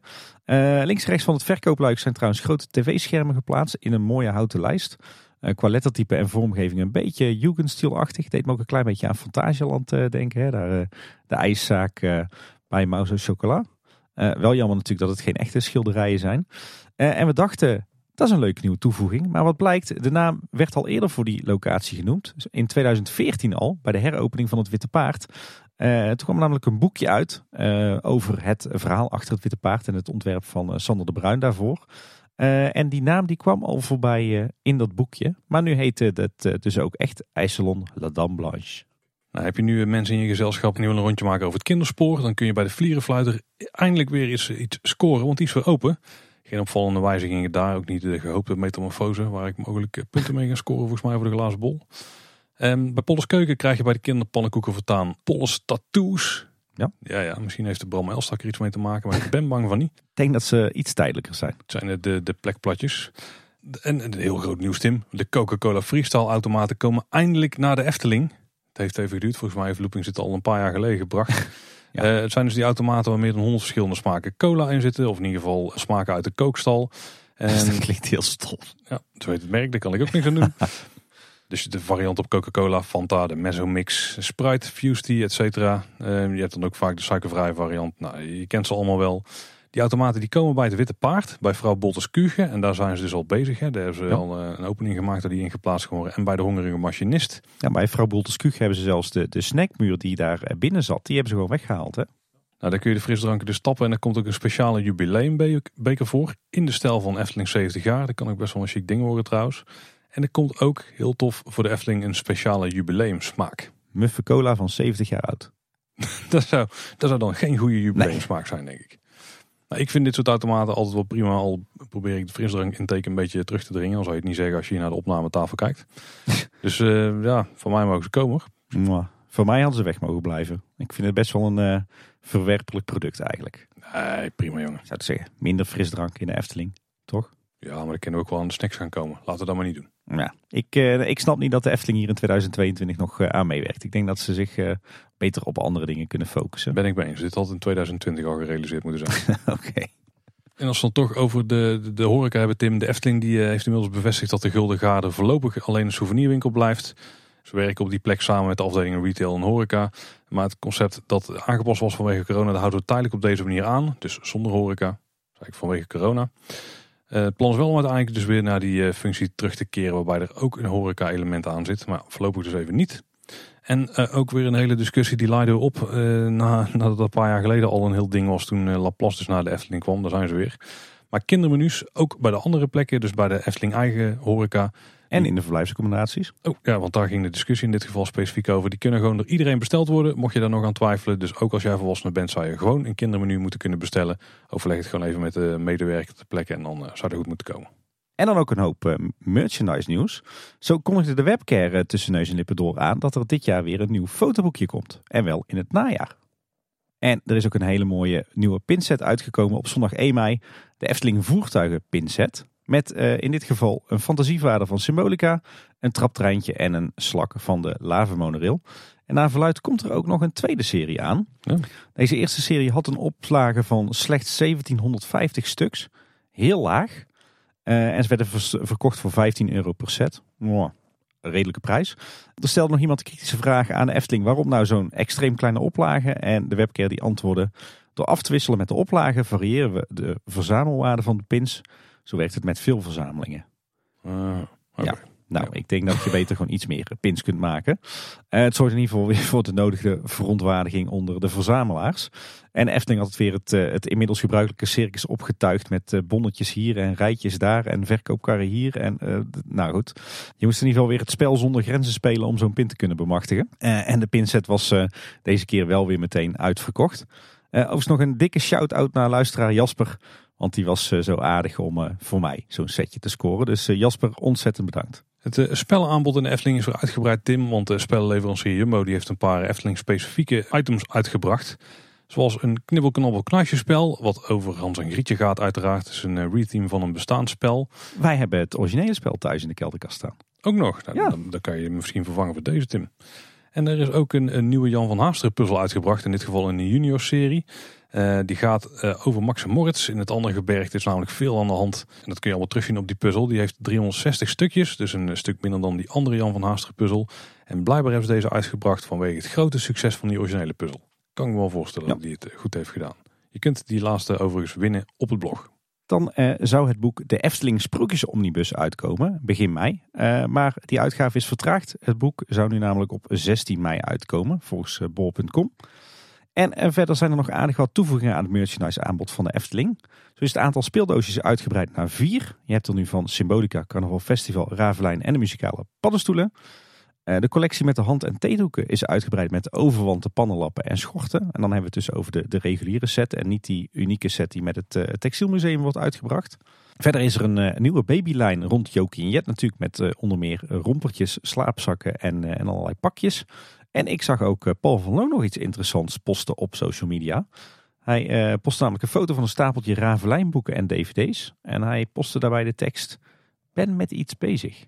Ja, dan komt er een nieuw verhaal aan rondom Ravelijn, gok ik. Ja, boek. derde boek. Hm. Ja, dat zou zomaar kunnen. En uh, Carlo van Schijnon, natuurlijk de ultieme Efting-verzamelaar, uh, die tipte ons nog dat de kinderboekenserie De Zoete Zusjes een nieuw deel heeft. Namelijk De Zoete Zusjes houden van Holland. En daarin ontdekken ze de leukste plekjes van Nederland. En natuurlijk komt ook de Efteling daarin voorbij. En ik geloof dat maar liefst acht pagina's gewijd zijn aan de Efteling. Dus als je echt alles van de Efteling wil hebben, dan zal je ook een deel van De Zoete Zusjes moeten kopen.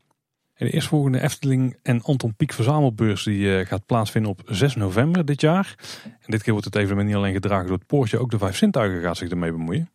Dus ja. het, het, zal nog wel groter worden dan dat het voorheen was, denk ik. Details die uh, missen nog, maar zodra die er zijn, dan hoor je die hier uiteraard. Er werd in ieder geval geteased dat het uh, behoorlijk indrukwekkend zou gaan worden qua formaat. Heel anders dan wat je gewend bent. Ik ben benieuwd. En dan nog wat de kleine entertainment updates. Ja, beginnen we bij Ravelijn. Dat draait natuurlijk de nieuwe show. Ik zei het al eerder, uh, maar ik ga het nog een keer vertellen, want ik ben er toevallig van het weekend nog een keer geweest. Die nieuwe Ravelijn show is echt top. Beste Ravelijn show uh, ooit. High bar. Nou, niet echt, maar in ieder geval een hele goede mix van spektakel, dialogen en, uh, en uh, vechtscènes en interactie. Dus uh, ja, dit is echt met recht de beste Ravelijn versie ooit. Alleen jammer dat er van de originele muziek van René Merkelbach eigenlijk niks is overgebleven. Oh. Qua muziek is het wel echt een zootje nu, maar goed. wel een hele vermakelijke show. Alleen toch wat problemen. Uh, Draconicon die komt niet meer uit de kelder omhoog. En uh, daardoor gaat, uh, zit er ook geen beweging meer in de toren. De Efteling die zegt daarover. We onderzoeken op dit moment of er een chronisch probleem is. Nou, lijkt me wel. er zou sprake zijn van een technisch zeer ingewikkeld verhaal. wanneer Draconicon weer tot leven komt is nog even de vraag. En de Efteling doet er alles aan. Want ze beseffen dat het een belangrijk onderdeel van de show is. Nou heb ik het eerlijk gezegd niet echt gemist hoor. Maar goed. Er is trouwens ook een nieuwe omroep aan het begin van de Ravelijn Show. Het is namelijk niet toegestaan om uh, de toeters en feestartikelen van het Efteling 70 jaar jubileum te gebruiken. Er zou een heel park niet, verboden, niet toegestaan ja, moeten zijn. Uh, dat om het welzijn van de dieren in de show en de veiligheid te garanderen. Het welzijn van alle parkbezoekers kan je dan beter ja. zeggen. Maar heel begrijpelijk natuurlijk. Hè, die paarden die worden natuurlijk niet blij van als ineens iedereen begint te, te toeteren op de tribune.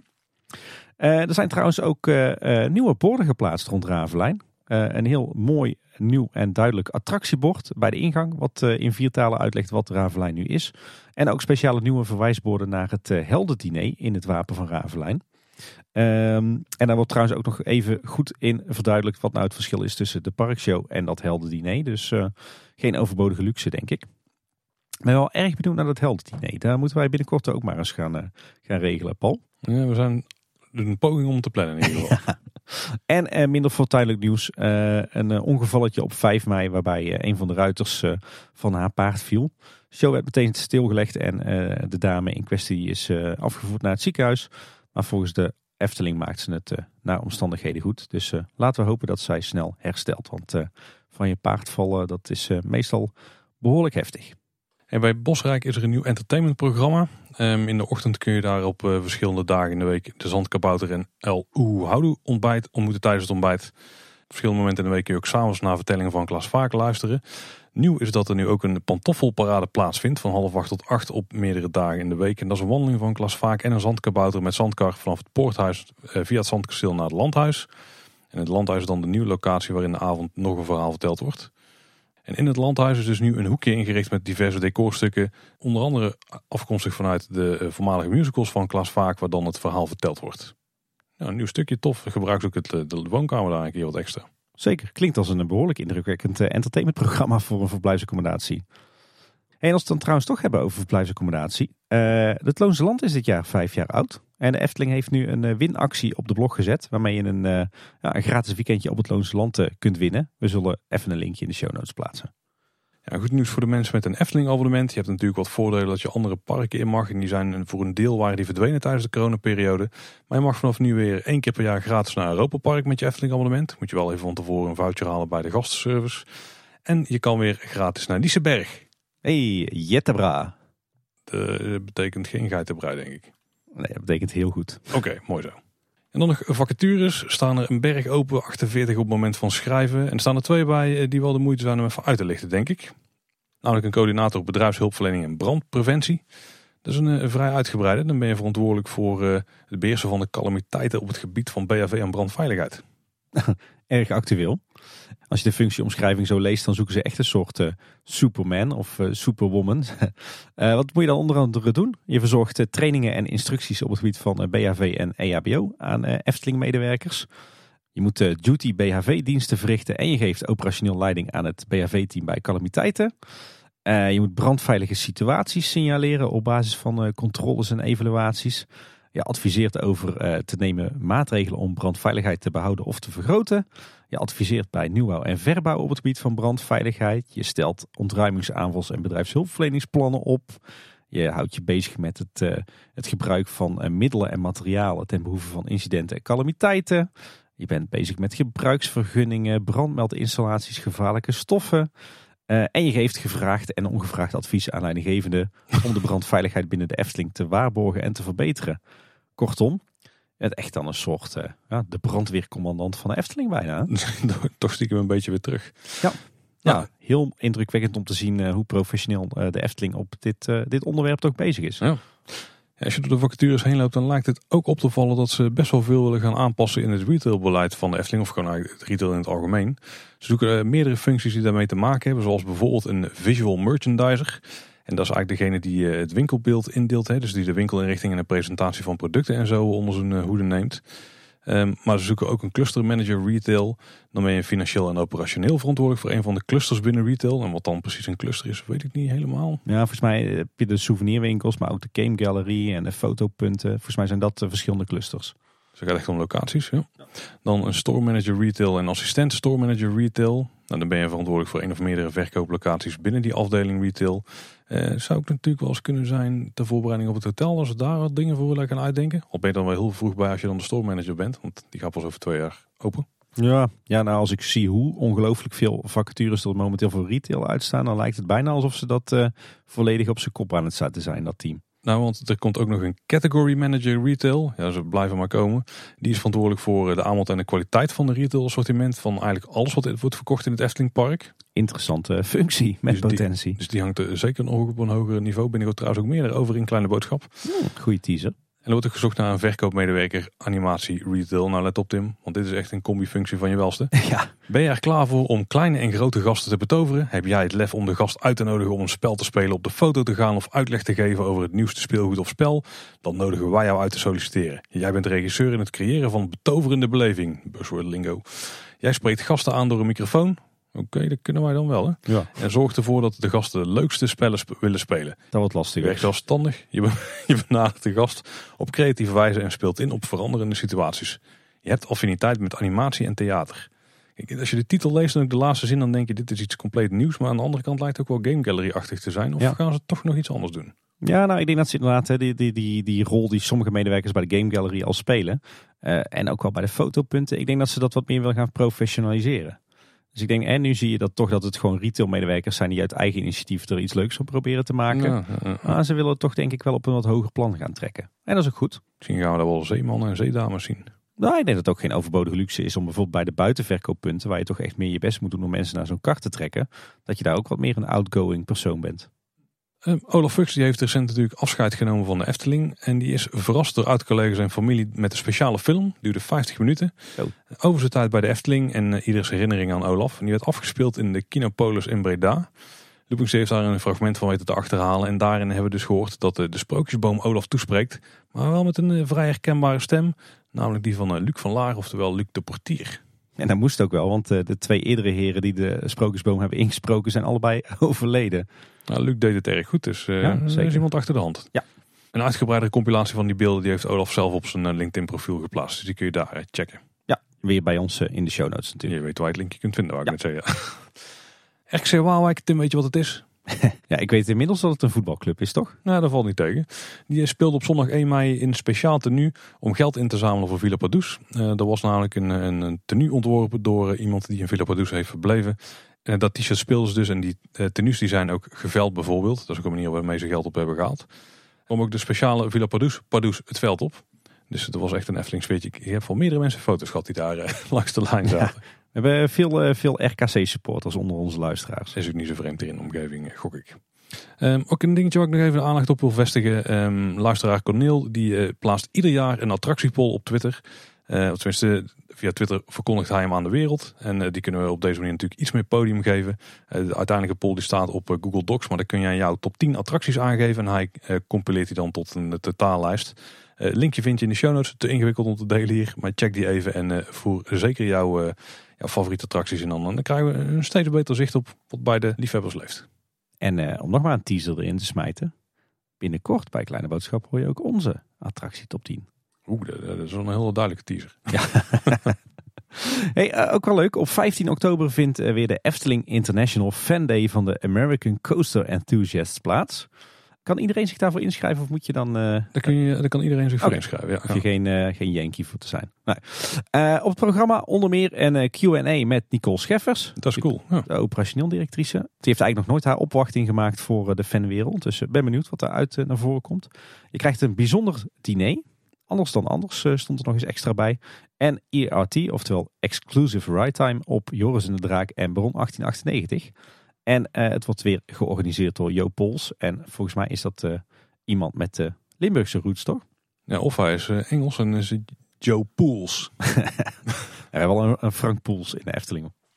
En nog een paar leestips eh, op eh, Eftepedia. Mogen niet ontbreken. Er is inmiddels een lemma over het Efteling logo en alle iteraties daarvan. Die is heel cool. En ook, eh, dit is echt typisch lekker nerde eh, Eftepedia staal. Een lemma over de skylines van de Efteling. Ja, heel vet. Want de Efteling heeft natuurlijk door de jaren, door de decennia heen heel veel van die skyline afbeeldingen uitgebracht. En eh, die zijn ook natuurlijk geëvalueerd. En dat vind je allemaal uitgewerkt in dat lemma. Heel cool. Absoluut het bekijken en lezen waard. Tim, is er nog wat gebeurd in de periferie van de Efteling? Ja, er is een fitty tussen de gemeente Loon op Zand en de provincie Noord-Brabant. En de provincie in ieder geval. Oké, niet, niet een een of andere camping weer ergens of zo. Nee, nee, nee, nee. En ook niet over de, de, de wet eh, natuurbescherming of zo. Alhoewel het ook nog wel zo'n dingetje is waar we wachten op antwoord. Nee, het gaat over de F261. Oh, Want eh, ja, jij weet wel, eh F261 is natuurlijk de fietsnelweg van Tilburg naar Waalwijk. Die is al een tijdje klaar. Maar je hebt hier een kruising van de Horst met de Duinlaan. Die blijft problemen geven. Daar wordt om de havenklap worden daar fietsers omvergereden door automobilisten. Nou, de gemeente is eh, gedwongen eh, vanuit de politiek, vanuit de inwoners om daar maatregelen te nemen. Maar wat hebben ze nou gedaan? Ze hebben een aantal fietspaden die naar die kruising toe leiden, hebben ze afgesloten, permanent. Met hekwerken en eh, weet ik het allemaal. heb ik gespot, ja. ja. Met de gedachte van, joh, als we nou minder fietsers uit laten komen op die kruising, alleen maar in één richting in plaats van van alle kanten, dan eh verduidelijkt dat het beeld voor de automobilist. Hebben ze een punt, ja. En de provincie is over de zeik, want die zeggen, we snappen dat je iets wil doen aan die kruising, maar je mag geen eh, aansluitingen daarop afsluiten, want juist de hele gedachte achter de snelfietsroute is dat je die makkelijk kan bereiken. Dus eh, leuk om dat eh, via de krant te vernemen. Het is in ieder geval niet zo dat ze de snelfietsroute zelf hebben afgesloten. Het is alleen de aansluitingen erop. Nou, het is wel kei onhandig, moet ik zeggen. Ja, dat klopt. Maar ja, ze moeten daar iets doen, want het is echt levensgevaarlijk, die kruising. Dat is, dat is absoluut waar. ja. De, de oorzaak zit hem inderdaad wel dat de fietsers overal vandaan kunnen komen. Hey eh, Paul, dan zijn we alweer aanbeland eh, bij eh, onze befaamde categorie. En dan nog dit. En dan ben ik vooral even benieuwd naar, hoe was jouw meivakantie? Ik zal hem nu hier heel beknopt doen en vooral het stukje pretpark er even uitlichten. Maar wij zijn met de camper weer op pad geweest. We zijn in eerste instantie naar het zuiden van Frankrijk gereden. Echt helemaal richting de grens met Italië. Eh, dus er ligt Nice en Monaco, die hebben we daar eh, be- bezocht. Oh, cool. En toen zijn we een beetje via de kustlijn zo richting Spanje gereden. Uiteindelijk ook eh, Spanje ingereden en naar Barcelona gegaan. Daar nog even vertoefd. En toen ook nog doorgereden naar Salau, want daar ligt Portaventura naast. Ehm, en daar hebben we een dag ook op de camperplaats gestaan. Dat beviel ook heel goed. En vanuit daar weer richting het noorden gegaan, door Andorra heen. Een hele toffe rit door de bergen. En uiteindelijk, eh, nou, toen we op de weg terug waren, dachten we, hey, daar komen we ook langs Parijs. Misschien kunnen we wel naar Disneyland Parijs gaan. En daar ook nog eh, anderhalve dag gestaan. Dat was ook heel, eh, heel tof. En ik moet eigenlijk bekennen, Tim, ik, ik denk dat ik er nou al uit ben. Efteling is mijn favoriete pretpark eh, wa- wat ik heb. Eh, maar Disneyland Parijs is toch wel echt duidelijk mijn op één na favoriete pretpark. Oké, En dan het hele resort ook, denk ik. Hm, prima. Mag. Nou, nee, ik denk, dat ik er nou wel uit ben. Ik, zeg maar, ik heb de vraag recent een paar keer gehad en toen kwam ik daar niet direct op uit. Ik ging me gedacht naar andere parken, maar nou we daar weer zijn geweest. En ik erop terugkijk, want we hebben echt een perfecte weekend gehad denk ik. Of in ieder geval een perfecte dag dat we er zijn geweest. En ik ben zelf nog een avond de park in geweest met een eh, goede bekende van ons. Ik heb me echt enorm goed vermaakt daar. Maar er is maar één ding opgevallen. En eh, Tim, als jij weet je zou moeten ranken welke dingen ik interessant vind in een pretpark. Wat ik mooi vind aan pretparken. Wat zou dan mijn top 3 zijn? Ik denk op, eh, op eh, één animatronics. Ja, zeker belangrijk. Ja, Ja. Twee eh ritssystemen. ja, ja. ja. Drie thema. Ja, ik heb er zelf eigenlijk niet over nagedacht, maar die dingen die staan zeker bovenaan. Als je nou gaat kijken naar wat ik het minst interessant vind in pretparken, waar zou dat dan zijn? Met stip op één eh, entertainment. Daar zit het nog onder de toiletten en zo. Denk ik. Ja. Op twee merchandise. Oh ja, ja. Nou, we hoeven geen top 3 van te maken, want je had hem bij één al te pakken. Nee, eh, ik geef niet zo heel veel om entertainment. Ehm, en ehm, ik heb hier ons draaiboek gezet PortAventura en Disneyland Parijs en de ellende van pretparkshows. Ik heb er toch problemen mee. En dat is niet per se dat ik de shows niet leuk vind of zo, want eh, die vind ik eigenlijk wel prima. Eh, we hebben in Disneyland Parijs Mickey and the Magician gekeken. Dat is een echt een hele toffe show. Die is ook van mij op het live geschreven met, een- met een heel stuk eh, illusies erin en zo. Maar ze gaan ook eh, vrij veel overbodig zingen en dansen. Daar geef ik dan echt geen zak om. En eh, Festival of the Lion King. Nou, dat is echt gewoon één grote slecht excuus om die liedjes van de Lion King nog eens eh, op te voeren. Dat was echt helemaal niet mijn ding. Maar de verlichting was wel cool. En er zaten wel aardig effecten in. Daar kan ik nou wel van genieten. En het decor was ook wel aardig trouwens. Maar het, punt met de pretparkshows is gewoon... Weet je wel, als jij een attractie wilt doen... Dan loop je er langs en dan kun je er op ieder moment ingaan. En je doet die attractie gewoon als je klaar bent met wachten. Ten- tenzij je naar eh, Walt Disney World gaat of zo. Dan wordt het ingewikkelder. maar dat is op Disneyland Parijs op dit moment geen issue. Eh, want die Premier Access eh, passes die eh, worden nog niet bij zoveel bosjes verkocht dat die echt heel veel impact hebben op de wachttijden. Want de wachttijden waren best goed te doen. Ook in de drukke weekend dat wij er waren.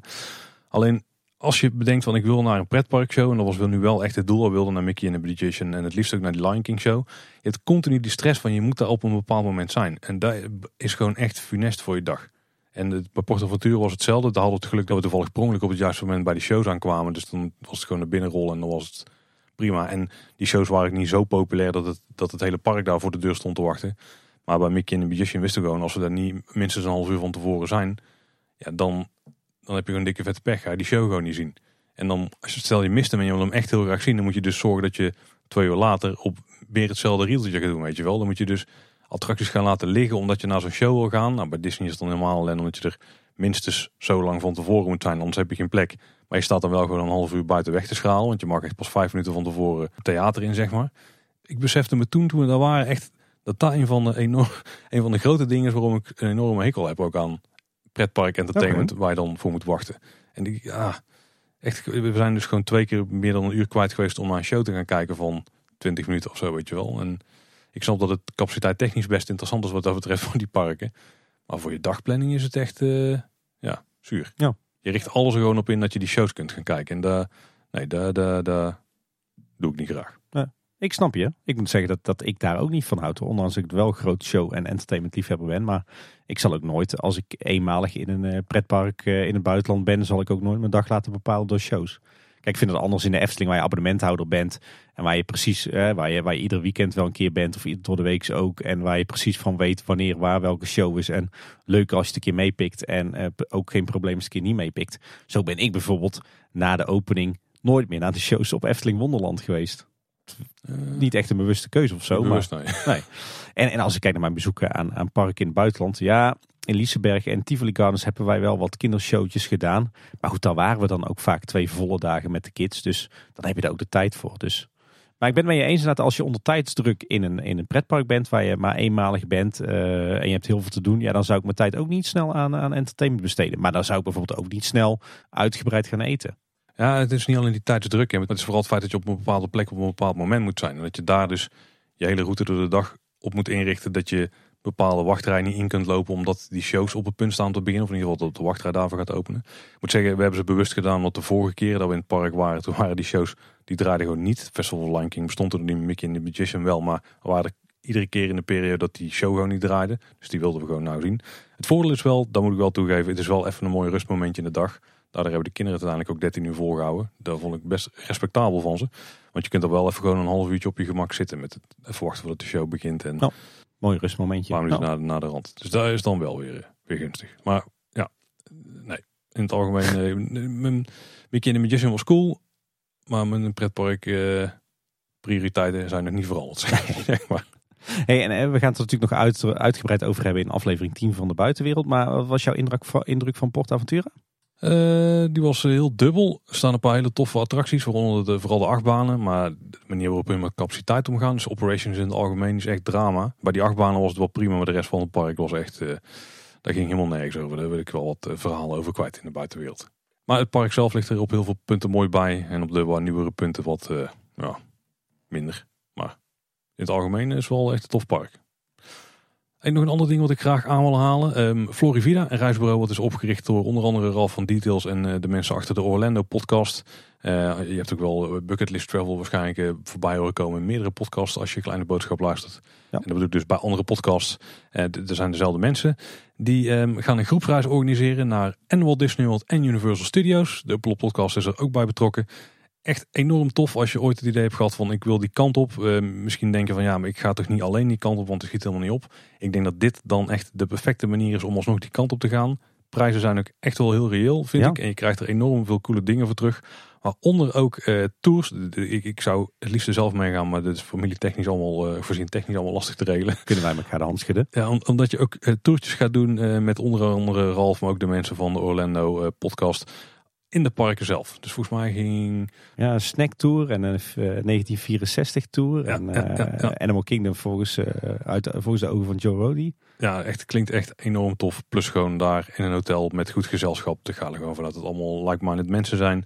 En daar door die parken heen sjouwen en alle andere dingen die daar eh, te beleven zijn. Ja, het is gewoon echt een hele toffe tour. Heb je er ooit aan zitten twijfelen? Denk je, ik wil die kant op. Ben je met z'n met z'n twee. Ik denk dat het meeste geschikt is voor uh, stelletjes of vriendengroepen. Of, um, Ook denk ik als je, als je gewoon alleen staan bent. Ja, zeker. Als je niemand hebt om die kant normaal gesproken mee op te gaan. Dit is echt het perfecte moment om daar eens naar te gaan kijken. Dus check florivida.nl. Linkje staat uiteraard ook in de show notes. En dan uh, kun je eens gaan kijken wat daar allemaal te zien is. Ik denk als je de nerdfactor van Kleine Boodschap over de Efteling kan waarderen.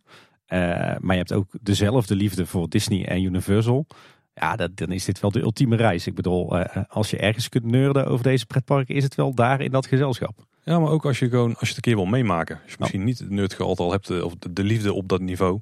Ik denk dat hij daar wel eens uh, kan gaan komen. Ja. Want nogmaals, prijs-kwaliteit verhouding van die reis is echt top. Ja. ja, ik moet zeggen, wij hebben het er thuis serieus over gehad, Anne en ik. het leek ons niet handig nu met kleine kinderen en buiten de schoolvakanties of vakantie gaan.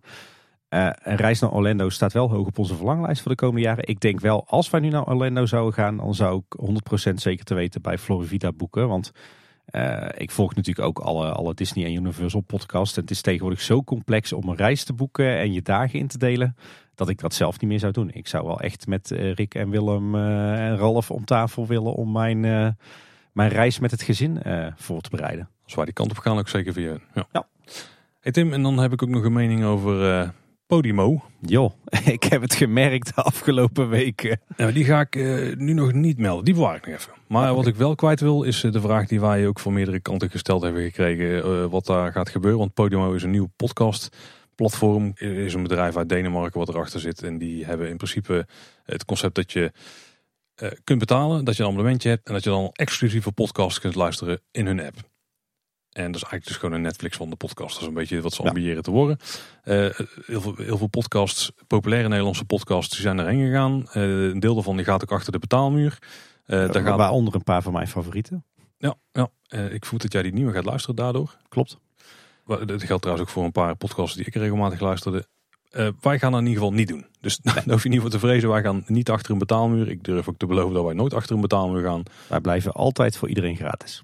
Daar hebben we niet eens overleg over moeten hebben. Daar hebben we volgens mij beide individueel gecommuniceerd naar iedereen die erom vroeg. Dus daar hoef je niet bang voor te zijn. Maar ik vind wel iets van de platform en ik vind het toch wel interessant om daar eens een keer wat uitgebreider over, uh, over te hebben. Uh, maar deze aflevering die eh, begint al aardig op de max te komen. Dus ik denk dat we door moeten naar jou en dan nog ditjes. Ja Paul, eerst heugelijk nieuws. Oh. Ik heb eindelijk jouw luchtje geroken. Mijn luchtje? Ja. Toen ik je aan het zweten was? Of? Nee, ja, dat kende ik al wel. maar uh, nee, jij had toch een befaamd uh, zoet luchtje op de Eftelingse straat wat je niet kon thuisbrengen? Ja, ja, ja. ja. Nou, ik, uh, ik dacht eerst, waar heeft die kerel het toch over joh met zijn gezanik. Maar nou, nou let ik er voortaan op. En ik ruik hem ook. Ja, als de wind goed staat hè? Ja, ja, ja. de churros van uh, ja, zijn. Ja. ja, zeker. Ja. Goeie lucht. Maar ja, ja, mijn grootste nieuws natuurlijk. Ik ben in de meivakantie naar Berlijn geweest. Ja, en ik heb daar vrij veel van meegekregen trouwens. Want uh, binnen jouw, achter jouw slotje-account heb je daar redelijk veel over, ja. over gedeeld. Ja, precies. Maar waar de highlights van jou betreft? Oeh, de highlights. Ja, nou kan ik wat dingen opnoemen waar we geweest zijn. Uh, we hebben natuurlijk de beide dierentuinen van Berlijn uh, geweest. Veel mensen weten dat niet, maar je hebt Berlin Zoo en Tierpark Berlin. Dat zal een Oost- en West dierentuin zijn. Exact. Twee totaal verschillende dierentuinen, maar je moet ze eigenlijk allebei gezien hebben als je iets hebt met dierentuinen. En zeker Tierpark Berlin, de oude Oost-Duitse dierentuin, die is gewoon bizar om heel veel redenen. Uh, verder heel veel in de stad gewandeld. Heel veel gezien van, uh, van West-Berlijn. Uh, we zijn met een ballon 150 meter de lucht in geweest. de Fernseeturm beklommen. allerlei stadsparken bezocht. DDR-museum, het Natuurkundig Museum. ja, joh, ontzettend veel van de stad gezien. maar vooral ontzettend genoten van Berlijn als stad. Het is zo'n fascinerende stad. Met uh, het, het, het, oude Berlijn van de, uh, zeg maar de, de, begin 20e eeuw. Hè, de, de jaren dat die stad enorm groeide. Uh, maar ook natuurlijk de, de, de, laatste, ja, hoe moet ik het zeggen? Laatste restanten van de Tweede Wereldoorlog. Vooral natuurlijk die Berlijnse muur en het, het oude Oost-Berlijn en West-Berlijn. En wat je daar nog van terug ziet. Ja, die stad die is gewoon een en al geschiedenis. En er zijn zoveel verhalen. Uh, ik moet zeggen, Anne en ik waren er twaalf jaar geleden geweest. Een lang weekend, maar dat was veel te kort voor die stad. Nu waren we er een volle week. Was eigenlijk ook nog niet genoeg, want we hadden nog wel wat dingetjes op het verlanglijstje staan. Maar toch wel een hele goede indruk gekregen. Ja, en gewoon weer lekker met de kids uh, gaan citytrippen. Hè? Dus met het vliegtuig erheen. Een prachtig Airbnb-appartement. wat ook nog eens op een hele bijzondere plek lag. vlakbij de Bernauer Straße, aan, waar vroeger de Berlijnse muur stond. En eh, de kelder van ons appartement, daar liep zelfs eh, een, eh, een geheime tunnel waarmee mensen uit Oost-Duitsland naar West-Duitsland ontsnapten. Vet. Kun je er nog iets van zien of zo? Of Ja, ja, we zaten aan het Berliner Mauerpark. Dus dat is zeg maar een enorm stadspark waar heel veel, ja, moet ik het zeggen, heel veel restanten van de Berlijnse muur nog staan. En ja, dat was echt heel tof. Nou, daar kan ik een uur over praten, dus dat gaan we doen in de buitenwereld.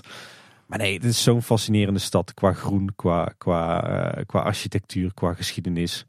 Echt, eh, we hebben er op en top van genoten. En eh, nou, het vliegen ging ook nog relatief oké. gezien de vele horrorverhalen over Schiphol.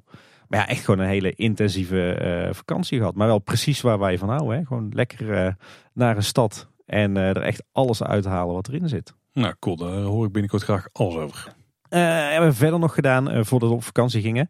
Eh, ook een verrassend uitje. We zijn naar de kasteeltuinen Arsen geweest. Ooit als klein kind wel eens geweest. En ik dacht dat het heel suf zou zijn. Maar eigenlijk ook een heel leuk uitje voor een dag. Een mooi, eh, mooi Limburgs kasteel. Met eromheen dus tuin, prachtige rozentuinen. eh, mooie veldjes, mooie speeltuinen. Lekker eten, een rotstuin, watervallen. Als je gewoon een heel erg ja, beetje relaxed uitje wil. Dan eh, is dat zeker een keer een eh, aanrader. Mocht je eens in Limburg zijn. En heel ver weg een Efteling linkje. De Efteling is namelijk ooit in gesprek geweest met eh, de kasteeltuinen van Arsen om die over te nemen. Oh, ik moet bekennen dat je me daar iets nieuws vertelt. Dat eh meldde Reinhard van Assendelft de Koning ons toen wij net de microfoon uitzetten. Of de recorder uitzetten na het interview. Dat was ik helemaal vergeten. Goed dat je het even memoreert, hè, Paul. En eh, trouwens ook een leuke, leuke eetplek nog ontdekt in Tilburg. Eh pannenkoekenfabriek met QUE. Het Ketelhuis eh, bij de AB-fabriek. Een eh, heel erg kindvriendelijk pannenkoekenhuis. Zat ook ramvol met eh, Tilburgse kinderen. Maar het is gebouwd in het, het oude ketelhuis van de AB-fabriek. Dus een heel tof gebouw en heel erg laagdrempelig eten kun je daar. Klinkt goed. En nog wat luistertips trouwens. Waarschijnlijk heb je het hem al meegekregen. Erik Daman, de Vlaamse ontwerper van nou ja, zo'n beetje alles in Fantasieland na de brand. Die is helaas overleden een tijdje terug. Eh, nou, ik heb een ontzettend zwak voor Fantasieland. En zeker voor de toevoegingen eh, van Erik Daman. En de heren van Ochtend in Pretparkland hebben een prachtige aflevering gemaakt. Aflevering 39 van seizoen 9. eh, waarin ze herinneringen ophalen aan Erik Daman. En ook een oud interview afspelen. Absoluut de moeite waard. En een toffe podcast die, die sinds kort bezig is. En overigens maar uit vier afleveringen bestaat. Maar zeker een aanrader. De Hoge Veluwe podcast. Over de Hoge Veluwe. Je raadt het niet. Ja. Dat is eh, natuurlijk een van mijn eh, favoriete plekjes eh, in Nederland, absoluut. Eh, en ja, vier leuke afleveringen over het jachtslot, over eh, de familie Krullermuller, over de landschappen en de andere gebouwen op het eh, Nationale Park. En eh, ik heb nog niet heel veel nieuws gehoord, maar wel ontzettend leuk om te luisteren. Eh, dus heb je daar wat mee, zeker een aanrader. En ik weet dat we in ieder geval één luisteraar hebben die hier ook wat mee heeft. Dus die betreffende luisteraar, die kan ik echt aanraden dit te gaan luisteren. Ik eh, weet wie je bedoelt. En dan nog de reacties van luisteraars. We willen eigenlijk hier eh, specifiek wat reacties eruit lichten die we hebben gekregen op aflevering 273. Die ging namelijk over wat wij het meest missen in de Efteling. Zo kregen we te horen van Dennis Heijmans dat hij de Efteling Club mist. Nou ja, de bekende paarse buidel met de kleine hoekjes. Kan ik me wel hebben voorstellen. Dit was ook eigenlijk meer merchandise dan, eh, dan fanclub eigenlijk. Hè? Dan eh, Kim Rompa die mailde ons dat ze de lasershow van Voger ook mist. Ook zeker een goeie. Ja. Absoluut, ja. Ik moet eerlijk bekennen, ik heb hem eh, vanochtend heb ik de muziek nog eh, keihard aangehad in de auto. Dus dat stond bij jou paraat hè? Ja. Ja, eh, dit, was zo'n zo'n gevalletje dat dan zeg maar als de wachtrij doorliep, dat we dan uit de wachtrij stapten om toch even de lasershow te kunnen kijken. En die was ook wel lachen. En dat was ook interactief. In de wachtrij. Ja. Toen al. Femma Markenstein die mailde nog dat ze de grote speeltuin miste. En dan bedoelen we echt de originele grote speeltuin. Die heeft daar een hele lange uitgebreide mail over gestuurd. Hartstikke bedankt daarvoor. Was super tof om te lezen. En binnenkort gaan we het ook wel langer hebben over speeltuinen. Nou, nou, binnenkort in ieder geval ergens dit jaar. Ja, ja, oké. Hij staat al op band. Ja. Eh, Ramon Poels die mist kapitein Gijs en in de Noordpool. Dus echt dat hoekje in het Sprookjesbos waar nu eh, Pinocchio staat. Ja, zeker mee eens. Dennis Hofman die eh, mist het entertainment in de wachtrij van attracties. Dus denk bijvoorbeeld aan Droomvlucht, Fata Morgana, Piranha en de Bob, waar allemaal podiums waren. Die liggen er voor een deel nog steeds, maar die worden niet meer gebruikt. Ja, de buikdan buikdanseressen bij de Fata waren natuurlijk prachtig. Ja, en natuurlijk dromen met open ogen in, in Droomvlucht. Hè. Een topshow. Ja, en de mariachi band hè, bij de Fata Morgana. Ook heel cool. Ron die, die miste het personeelskleding in thema. Ja, ook een goeie. Ik zou dat punten niet erg vinden als terugkomt. Polskeuken heeft het bijvoorbeeld wel hè. Oh, die Marenrijkleding was mooi. Of ja, ik moet eigenlijk zeggen die Westerparkkleding. Die mooie beige giletjes en die zwarte hoge hoeden. Ja, was dat thema? Dat was gewoon anders, afwijkend. Nou, oké. Ja, zeker cool. Joost van Puijenbroek die mist een, eh, een classic, de radiografisch bestuurbare bootjes. Oh ja.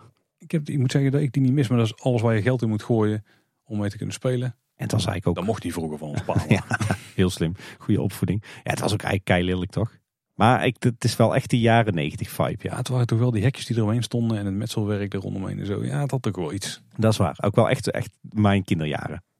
Max die eh, miste de Merklin en de Lego tentoonstellingen. Die laatste heb ik ook Oeh, wel ja. van meerdere mensen gehoord trouwens. Ja, En de Barbie tentoonstellingen, weet je dat nog? Dat weet ik nog, maar die mis ik niet. Nee, ik ook niet per se. Ik niet, maar anderen misschien wel. Ah, ik zit wel volop in Barbie nu. Oh, dat klinkt trouwens ook een beetje fout. Maar ik zit volop in Barbie eh, animatieseries. Maar dat ligt meer aan wat de meiden kijken. Oh ja, nou, die zijn ze bij ons net, eh, net klaar mee volgens mij. En Giertje 64 eh, die meldt dat hij de lage houten hekjes langs de plantsoenen mist.